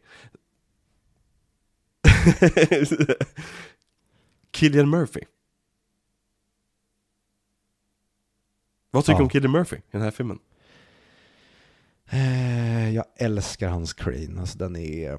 Man, man, vill, man vill spöa honom från sekund, när man bara ser honom med hans Mm fula jävla glasögon, då känner man direkt att den här snubben kommer jag vilja puckla på. Ja men alltså, bara, vi, kommer, vi kommer prata mer om Killer Murphy i kommande avsnitt antagligen eftersom vi kommer återkomma till honom. Så vi tänker vi kan bara droppa lite snabbt vad vi tycker om just här. Men alltså typ ta scenen när han tar fram masken framför Tom Wilkinsons Carmine Falcone. Och liksom han är så jävla cocky, liksom att, men, vad, vad håller du på med? Och sen drar han igång eh, feargasen. Och liksom, ja, och även scenen när han själv tappar förståndet, när han blir rädd för Batman. I det att han liksom mm. så här, vem jobbar du för? Och han liksom så här, ja men det är Ra's al Ghul, den läskigaste personen han någonsin hört talas om liksom. Och så svarar det här monstret, jag, inte bara jag vet vem Ra's al Ghul är, utan jag tror också att jag har dödat honom. Och det verkligen bryter honom inombords, så man ser hur Killer Murphy liksom säger godnatt där på ett sätt. Det är, han är så jävla bra som Crane, jag tycker om att han återkommer i varje Batman-film här också. Ja, det, det, det var en liten mind blower när han dyker upp i Dark Knight. Vänta. Okej, men när kommer han tillbaka? Och så kommer han inte tillbaka. Mm. Han var bara en del Nej, av introt liksom. Ja, han är, han är otroligt eh, jobbig och skräckinjagande här. Jag gillar att han är bara en henchman och han pratar så kallt och kaxigt till Falcone hela tiden om att när, när han kommer hit, eh, för att han kommer hit, och så bara, eh, vadå? kommer han hit? Och bara, ja, det gör han. Och han, han är så, åh, han är så mm. sliskig och bara, yeah. Och som du säger, när han blir galen så är han, han rockar verkligen rädslan och när han blir, rider runt på hästen ja. och är bara loco. Ja, och han, han har ju också traderns bästa moment när han säger It's the Batman. Ja, jag äl, alltså det är nästan att sätta fingret på var, varför den här filmen är så bra. Mm. För att de just sätter ett mellanslag mellan Bat och Man. Mm. Ja, men jag tycker också det är så kul av Nolan att efter alla de här projekten där, där Scarecrow skulle dyka upp så visade det sig att Scarecrow bara var som en del av en större plott och att hans kända Feargas var en del av League of Shadows istället. Jag tycker det är en snygg liksom, eh, amalgering av flera olika plotlines samtidigt på ett sätt som gör att det känns ändå som att de respekterar karaktären. Det, mm. Jag tycker det är nice. Mm. Sen har vi också Tom Wilkinson. Som spelar ja, Falcone. Där, där snackar vi en, han, han, är ju strax där bakom. Han, han är också helt fantastisk ja. som den här nästan Tony Soprano-snubben. Han, han couldn't give two fucks. Han vet att han har hela stan i sin bakficka och är så jävla kaxig och jag älskar hur han behandlar Bruce Wayne på restaurangen. Hans monolog hörde att han... otrolig. Ja, han är, han är svinbra. Mm, han skulle varit min MVP om inte vi hade Gary Oldman som Gordon, skulle jag nog säga. Eh, jo, Ja, men det är svårt. Jag, jag, jag, kan typ inte välja, men alla de här jävla gubbarna är ju amazing i den här filmen. Det är såhär, Nolans magitrick. Han fyller sin film med miniatyrer, med praktiska sätt och skitduktiga gubbar som är Oscars-nominerade utöver, så bara sprutar i öronen på dem. Men även Tom mm. Wilkinson är ju nominerad 2001 för In the Bedroom, som jag inte sett. Och sen 2003 eh, för den fantastiska Michael Clayton. Och det är som, ja, det är bra pedigree i den här filmen. Mm, visst dyker han upp i några Guy Ritchie-filmer va? Tom Wilkinson? Eh, Annars måste han göra det framöver. Ja, det känns ju som en match made in heaven, men jag tror inte han har varit med i någon, någon eh, Eventuellt kanske typ Revolver eller Rock'n'Roll, jag har inte så jättebra koll på de två. Jag har sett dem, men jag minns dem inte så jättebra. I, mitt minne så är han med i Rock'n'Rolla, men jag kan minnas fel. Han känns ju väldigt Rock'n'Rolla kompatibel. Den filmen har ju typ mm. 15 skådespelare i sig, ja. Mm. Um, Rutger Hauer är med i den här filmen. Också så här, anstä- alltså Blade Runner är ju Nolans favoritfilm, så det är ju en hommage till det. Men också det här att bara anställa en så här gammal, stabil skådespelare som man vet att man får resultat från. Ja, och jag tycker, tycker om det som du säger, att det är Nolans favoritfilm. Han visade ju Blade Runner för hela crewet innan och sa att det är den här filmen vi ska göra. Det, är det här är så stora syskonet till våran film när vi ska göra Batman Begins. Och det ser man ju verkligen på The Narrows hur mycket Blade Runner den delen av stan ser ut. Ja, nej men alltså den är ju, utöver Rutger Hauer såklart, så, som sagt, så just Narrows-bitarna känns ju som att de är som att man tagit Blade Runner och sen rest tillbaka i tiden lite grann. Bara några år så att det inte är så neofuturistiskt. Och sen så bara Mm. placera samma ställe där. Det är, mm, ja, bra influenser. Man har typ tagit Tokyo bort från Blade Runner. Mm. Ja. Och jag tycker Ruska Hauer är jättebra i filmen också. Som den här liksom stela företagsledaren. Ja, och jag skulle vilja prata med det för att eh, jag tänkte nu när jag såg den att han hade så himla lätt kunnat bakas in att han var korrupt och i maskopi med Ra's al Ghul. Det skulle vara väldigt korkat att göra så att ledamöter på Bruce Waynes board var i maskopi med The League of Shadows. Jag hoppas att vi aldrig får se det i en Batman-film. Nej, och jag hoppas framförallt inte att det sker på grund av väldigt uppenbara bedrägerianledningar som gör att de får kontroll över ett företag. Men eh, nej, det lär nog aldrig hända. Vi har ju Ken Watanabe som vi nämnde lite kort. Men vad tycker du om Ken Watanabe i den här filmen? Han är knappt med. Han är väldigt, väldigt anonym. Eh, nästan som man knappt kan betygsätta honom. Exakt. Men absolut, han, han funkar väldigt bra som förkläde. Ja, ja verkligen. Nej, men det, det är en snygg dis- misdirect. Att det är, som, det är så Mm. Tydlig casting att casta Ken Watanabe som Ra's al Ghul. Och sen så dör Mhm. han och så här, jaha. Och vi som, alltså inte, jag ska säga inte vi, för jag, jag tänkte inte så på den tiden, men om jag hade sett den idag, om den släpptes nu, då hade jag kanske tänkt att, ja men Ra's al Ghul är känd för att återuppliva sig själv, så han kanske kommer tillbaka sen. Men så visar det att nej, men de har den här misdirecten med Ducard, och jag tycker det funkar väldigt bra. Och det är ju lite grann Kenny Watanabes förtjänst ändå. Men som säger, det är, det är typ omöjligt att betygsätta den här, för att han är sån, han är en kuliss. Mm. Eh, Så vi går vidare till Morgan Freeman, som spelas av Lucius Fox. Helvete vad han levererar exposition fantastiskt. Alltså det, nu, nu är det en klyscha att säga det idag liksom när han narraterar en massa dokumentärserier och grejer, men det, det är ju den, en av de rösterna man absolut vill ha i sitt öra när man bara får höra massa information. Nej, men alltså, att casta Morgan Freeman i en, sån, i en sån här roll, där han bara ska försöka berätta och förklara allting som vi ser så att vi köper det. För det är ju den här filmens stora grej den gjorde som inte tidigare superhjältefilmer gjorde, det är det att den förklarar allt. Den förklarar anledningen till varför Batman känner att han vill ha öron på sin eh, cape liksom. Det, allting är förklarat och du måste ha den här stadiga och stabila baritonrösten som förklarar de här sakerna. Och det är Morgan Freeman. Och det som, han, han castades ju som gud och alla tänkte, ja, bra casting. Det är som, han var ju första svarta person som spelade president på film och ingen reagerade på det, inga rasister var arga, eller var säkert. Men det, som, det blev ingen grej av det, för alla tänkte att, men det är rimligt, Morgan Freeman, den stabilaste mannen i världen. Mm. Och sen så kom Christopher Nolan, gjorde sin Batman-film och skrev Bruce Wayne som en rasist. Utveckla. Nej men han får ju tyvärr skriva in i sin egen film att Lucius Fox får säga till honom att alltså du, det kanske är på grund av att jag är svart och jobbar nere i källaren här Mm. men snälla sluta behandla mig som att jag är en idiot. Mm. Ja, och det är så jävla bra moment från Morgan Freeman. Ja, det, och jag tycker om vad, vad han också får göra sen i eh, The Dark Knight. Ja men, det är så intressant med Morgan Freeman för att han, han är ju född 1937. Alltså han har ju sett världen förändras framför sig. Och han bär verkligen, han är en sån duktig skådespelare på att visa att han bär den kunskapen med sig. För han, han var ju en del av liksom den här teaterscenen i San Francisco på typ 60-talet. Och var med i massvis av olika pjäser som inte jag kan uttala namnet på, eller får uttala namnet på. Men han slog igenom allmänt i Street Smart, där han var liksom, jag tror han är en pimp i den filmen. Men sen typ direkt året efteråt så var det Driving Miss Daisy. Och det är som, sen dess har han varit som typ alla, alla halvrassiga vita människors favorit svart person. Mm. Det, det, jag vet inte, han, han är väldigt, alla älskar Morgan Freeman. Jag har aldrig pratat med någon som inte tycker om Morgan Freeman.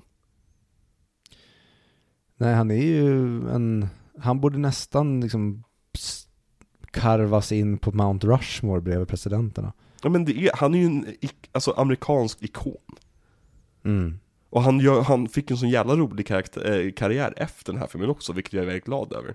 Och det är ju samma sak med Michael Caine, att den här filmen öppnade ju upp för liksom en, vad ska man säga, en tredje våg i deras karriärer också. Mm. Och sen har vi också lite, ja, miniroller. Vi har Ma- Mark Boone eh, Jr. som återkommer som Flash. Och jag älskar honom. Och jag älskar också att han är med när Batman spöar på skurkarna. Men sen så är han också med poliserna på slutet. Han skrivs inte ut ur filmen på något sätt. Utan Mm. man, man visar den här gråa, liksom, eh, moraliska skalan hos Gotham-polisen med honom. Ja, han är jättebra. Jag älskar när Batman förhör honom. Ja, ja verkligen. Och den där falafelbiten som hänger på läppen. Ja, när han tar den och så pröjsar han inte och så säger han Vad mina barn måste äta? Vadå, gillar de inte falafel eller? det, det skämtet tyckte jag var skitroligt när jag var yngre.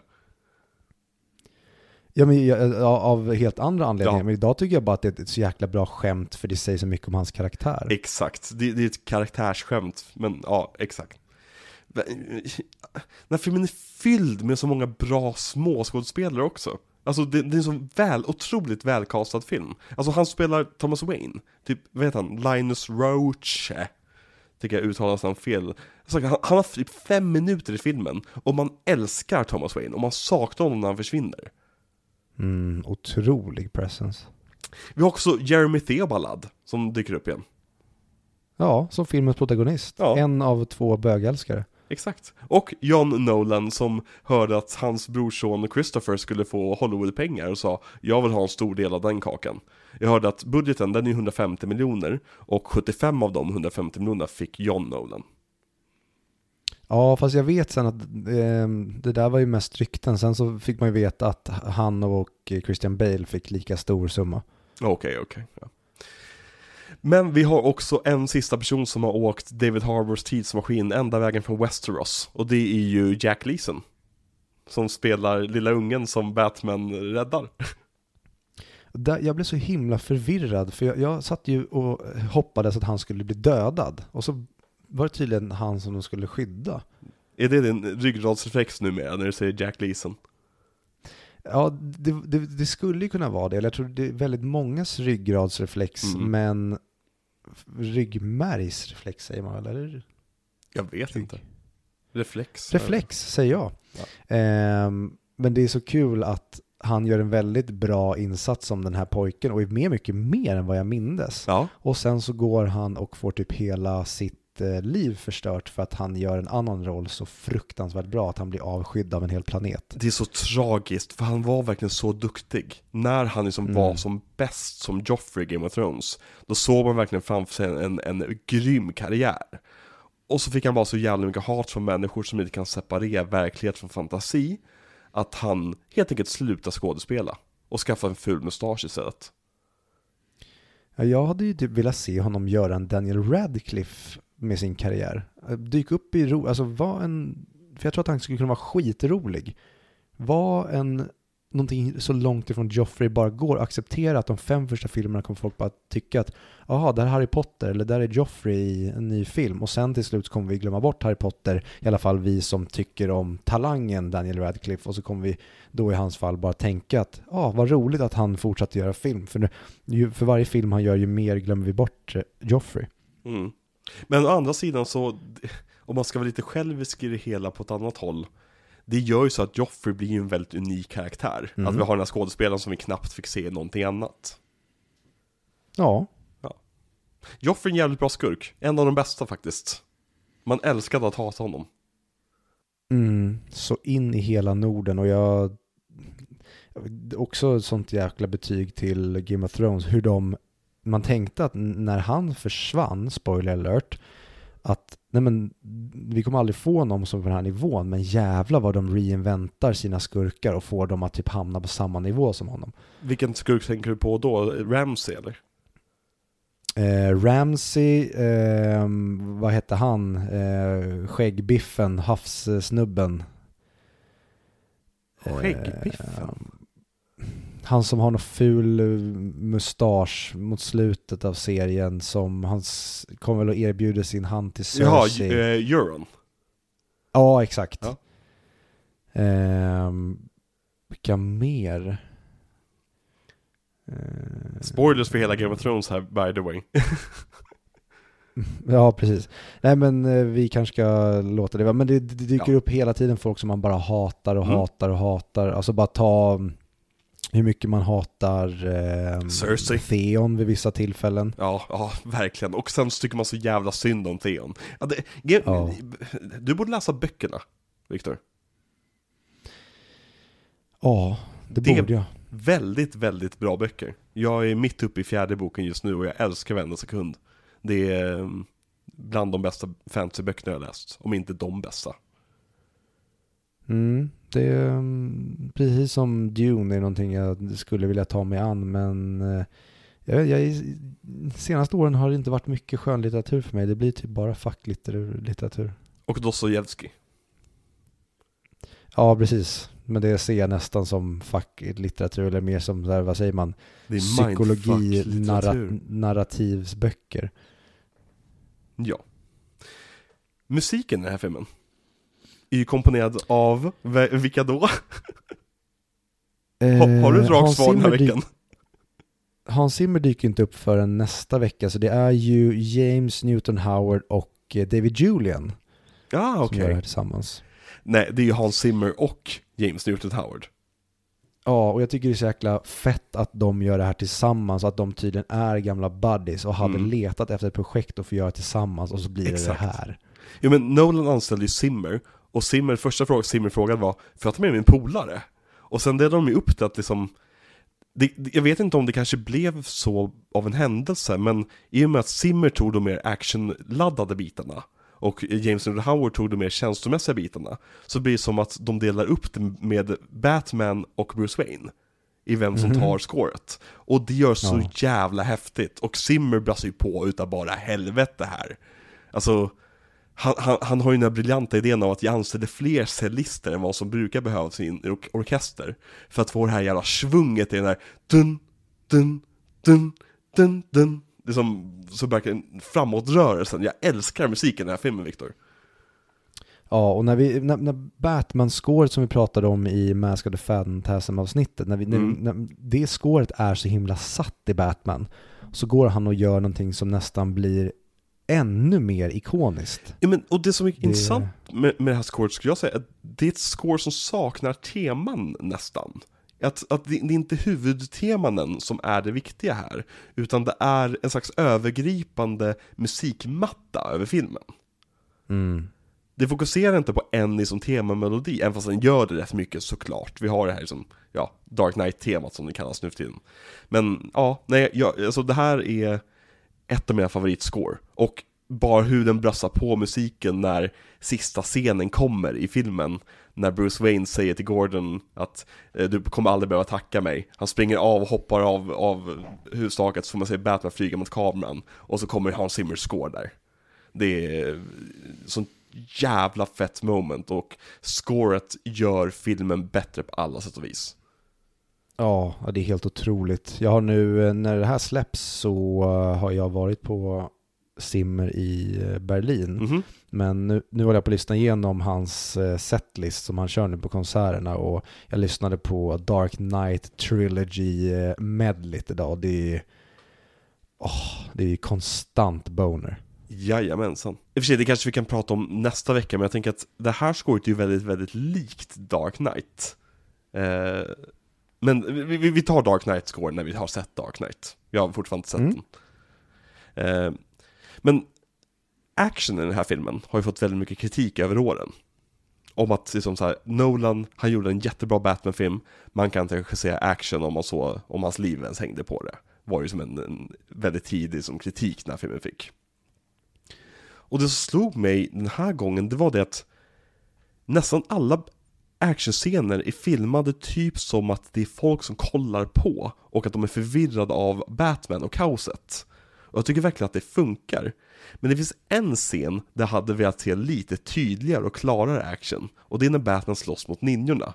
För då ska vi vara- ur Batmans perspektiv känner jag. Men annars så tycker jag att action i den här filmen är fantastisk. Jag håller med dig, men jag tänker inte på ninja-delen. Jag, jag, jag tycker precis som med rösten så tyck, tror jag nog att den kritiken har nog kommit mer på grund av upp- uppföljarna. För här tycker jag att de nailar hans eh, fighting och även den här dyka upp, det liksom som du säger, det subjektiva fightandet tycker Mm. jag är skitbra i den här. Det är sen, framförallt i Dark Knight Rises, när man får se det utzoomat, den här fighting-stilen och Ja. även typ i, i Dark Knight när man inte ser vad som händer. Men Mm. här tycker jag att det hela tiden fyller en funktion och jag tycker, jag, jag tycker inte det problemet finns alls. För jag tycker att man ser mycket tydligare än vad folk vill påstå att man gör. Verkligen. Jag, tycker, jag tyckte att, ja, alltså alla actionmeter, och sen så lägg till allt som är liksom action men inte slagsmål, alltså typ allting med tumblern som är fantastiskt. Och Mm. även typ som när han använder sig av fladdermössen, har den här, den här sonarsändaren. Alltså det är ju också actionsekvenser och de är otroligt välfotade allihopa. Det är som, det finns ingen sekvens i den här filmen där det händer grejer som inte är tydlig. Och när det är lite rörigt är det som för att du ska placeras i, i kontexten av det. Speciellt fighten Mm. när han slåss mot goonsen bland containrarna. Där ska du ju inte Mm. se någonting. Nej, det, precis, det är en vålnad som dyker upp. Exakt, det är en del av liksom, vad som säljer den. Och det är ju som, som du var inne på, bas- baserat på någon, vad är det, brasilianskt va? Det är Casey fighting, och det är ju så här, typ konstant självförsvar och typ förleda attack, attacker liksom.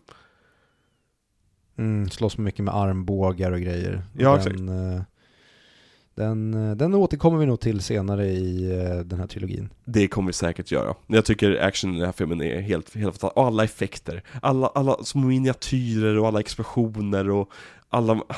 Den här, den här filmen är så lekfull i vad den har att leka med. Nolan har världens största leksakslåda och använder sig av varje leksak han kan hitta. Mm. Vad tycker du om den här biljakten när han ska köra hem Rachel? Med tumblern. Ah, det, är, det är så jävla bra action och det är så ro, alltså det, man har så kul med det där. Det blir som att poliserna blir sportkommentatorer i någon slags racing jag vet inte, racingkrig nästan. Och Ja. jag tycker om, det är så lekfullt hur han gömmer sig och hur han åker upp på taket. ehm, och sen skjuter sig därifrån när de ser att han, liksom, han flyger på hustopparna. Och jag tycker om stressen i att han måste hinna för att hon håller på att förlora till, eller vad heter det, loses her mind. Det är, ja, men det är bara en fantastisk, fantastisk sekvens rakt igenom. Mm. Nej men jag, jag håller med. Alltså jag skulle säga att det är filmens bästa scen. Att se den på en 75-tummare med ordentligt jävla ljud var som att ta oss tillbaka till barndomen och bara sitta där giddy. Och det är samma sak, jag fick typ nå, jag vet inte vad jag ska kalla det, typ så ADHD-ryck när sista linen i filmen levereras. Jag satt typ och slog på mina ben över att jag var så jävla taggad för ett så jävla fett moment. Och den här filmen är så typ häftig utan att försöka vara häftig. Det känns som att de kunde gjort saker så mycket mer in your face häftigt Med typ såhär snygga alltså, bilder på typ Batman som reser sig upp i askan liksom, typ Hans kappa svingas i luften Men här är det verkligen så att självförtroendet är det häftiga. Den är så otroligt självsäker på sig själv. Ja, nej jag... ehm, det, det, det att de inte gör det så stort och teatralt som gör, och den här liksom, för det blir ju också i det naturalistiska att här försöker vi göra någonting lågt och grounded men ändå har de sina super trailer moments som de verkligen håller ner. Så Mm. när de väl kommer då får vi liksom gåshud och bånge och gråter och skrattar och klappar knäna, allt på en gång. Jajamensan Det är... Ja, jag älskar den här filmen Viktor Mm, den här är filmen älskar helt mig. jävla fantastisk. Helt fantastisk Batsuiten i den här filmen Är det den snyggaste Batsuiten? I alla Batman-filmer, Ja oh. fan vad svårt. Jag gillar väldigt mycket Ben Afflecks Batmans Mhm. dräkt. För att den just har det gråa. mm. Men jag, jag, jag tycker, jag, jag är så himla svag för det här naturalistiska, att det verkligen ser ut som en militär armor som han har redesignat. Det är, det är verkligen gorgeous. Jag, jag tycker Ja. det är en abs- nu, nu, nu jag ska inte säga för mycket, men jag vill minnas att jag tycker mycket mer om den här än de efterföljande dräkterna. Att den här verkligen är klockrent classic. Jag har alltid haft lite problem för Dark Knight-dräkten och hur hans huvud ser ut som en hjälm. Eh, jag tycker inte, alltså det är en snygg dräkt, don't get me wrong, men jämfört med den här, alltså jag tycker just kåpan han, eller vad säger man, hjälmen han har, alltså Batcowl i den här filmen, är så makalöst snygg. Och det är ju Nolan själv som har designat den hjälmen. Mm, det vi, vi återkommer till de andra dräkterna, men eh, ja, den är i alla fall eh, fullpoängare. Sen vad jag rankar den, det Mm. är svårt att säga. Hur, vart, vart hamnar eh, The Batmans dräkt? För dig? Eh, inte högt alls. Nej. Det, det är väl det du typ, tycker minst om den, med den filmen utöver bilen? Ja, ja men precis. Jag, jag tycker väldigt mycket om den i filmen för att den passar i den där världen. Och jag tycker att den är ganska cool för att den är annorlunda, men nej, det, jag, jag gillar Classic Bat- Batman, jag gillar Classic Batman Ja. eh, verkligen mycket mer när de ska gå sådär spaceat. Mm.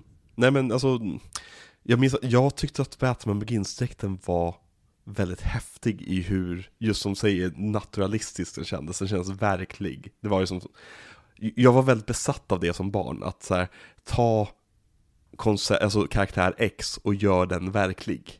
Alltså hur hade Mm. det här funkat i verkliga livet? Jag minns att jag var så taggad på att se hur de skulle göra Jokern i uppföljaren, just för så här, hur ska en verklig Joker vara?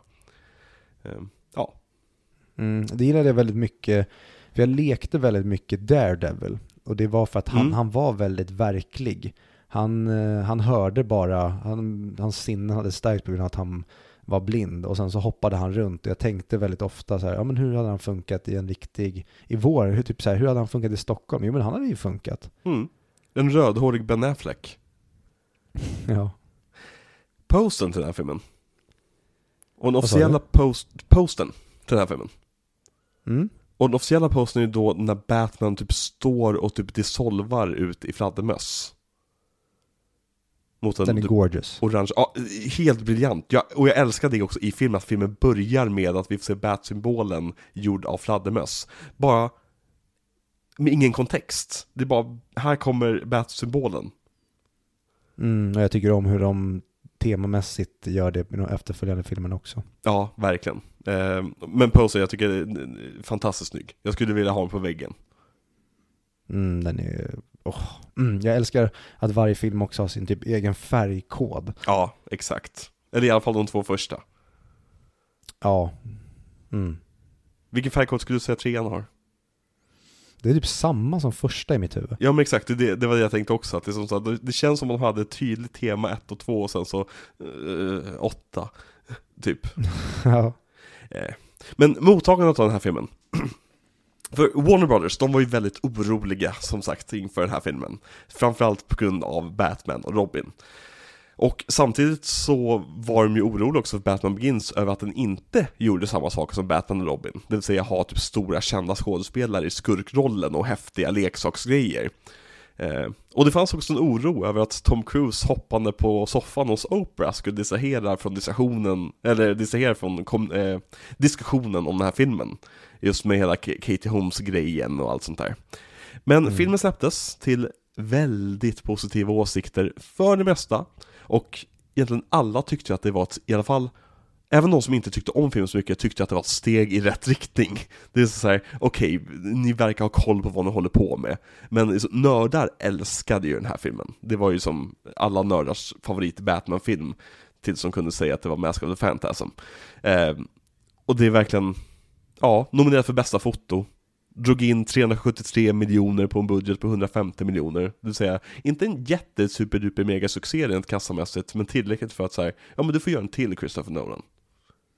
Ja men precis, det, det, det var en, stab, en stabil film. Den slog inga liksom, rekord eller, men det som i alla fall när jag läste min uppfattning i intervjuer, det var ju att framförallt kritikerna, alltså de, i alla fall de kritikerna som jag brukar kolla på, alltså ta typ Mark Kermode, ehm, Ebert. eh, Ebert, eh, Charlie Rose eh, såg jag intervju.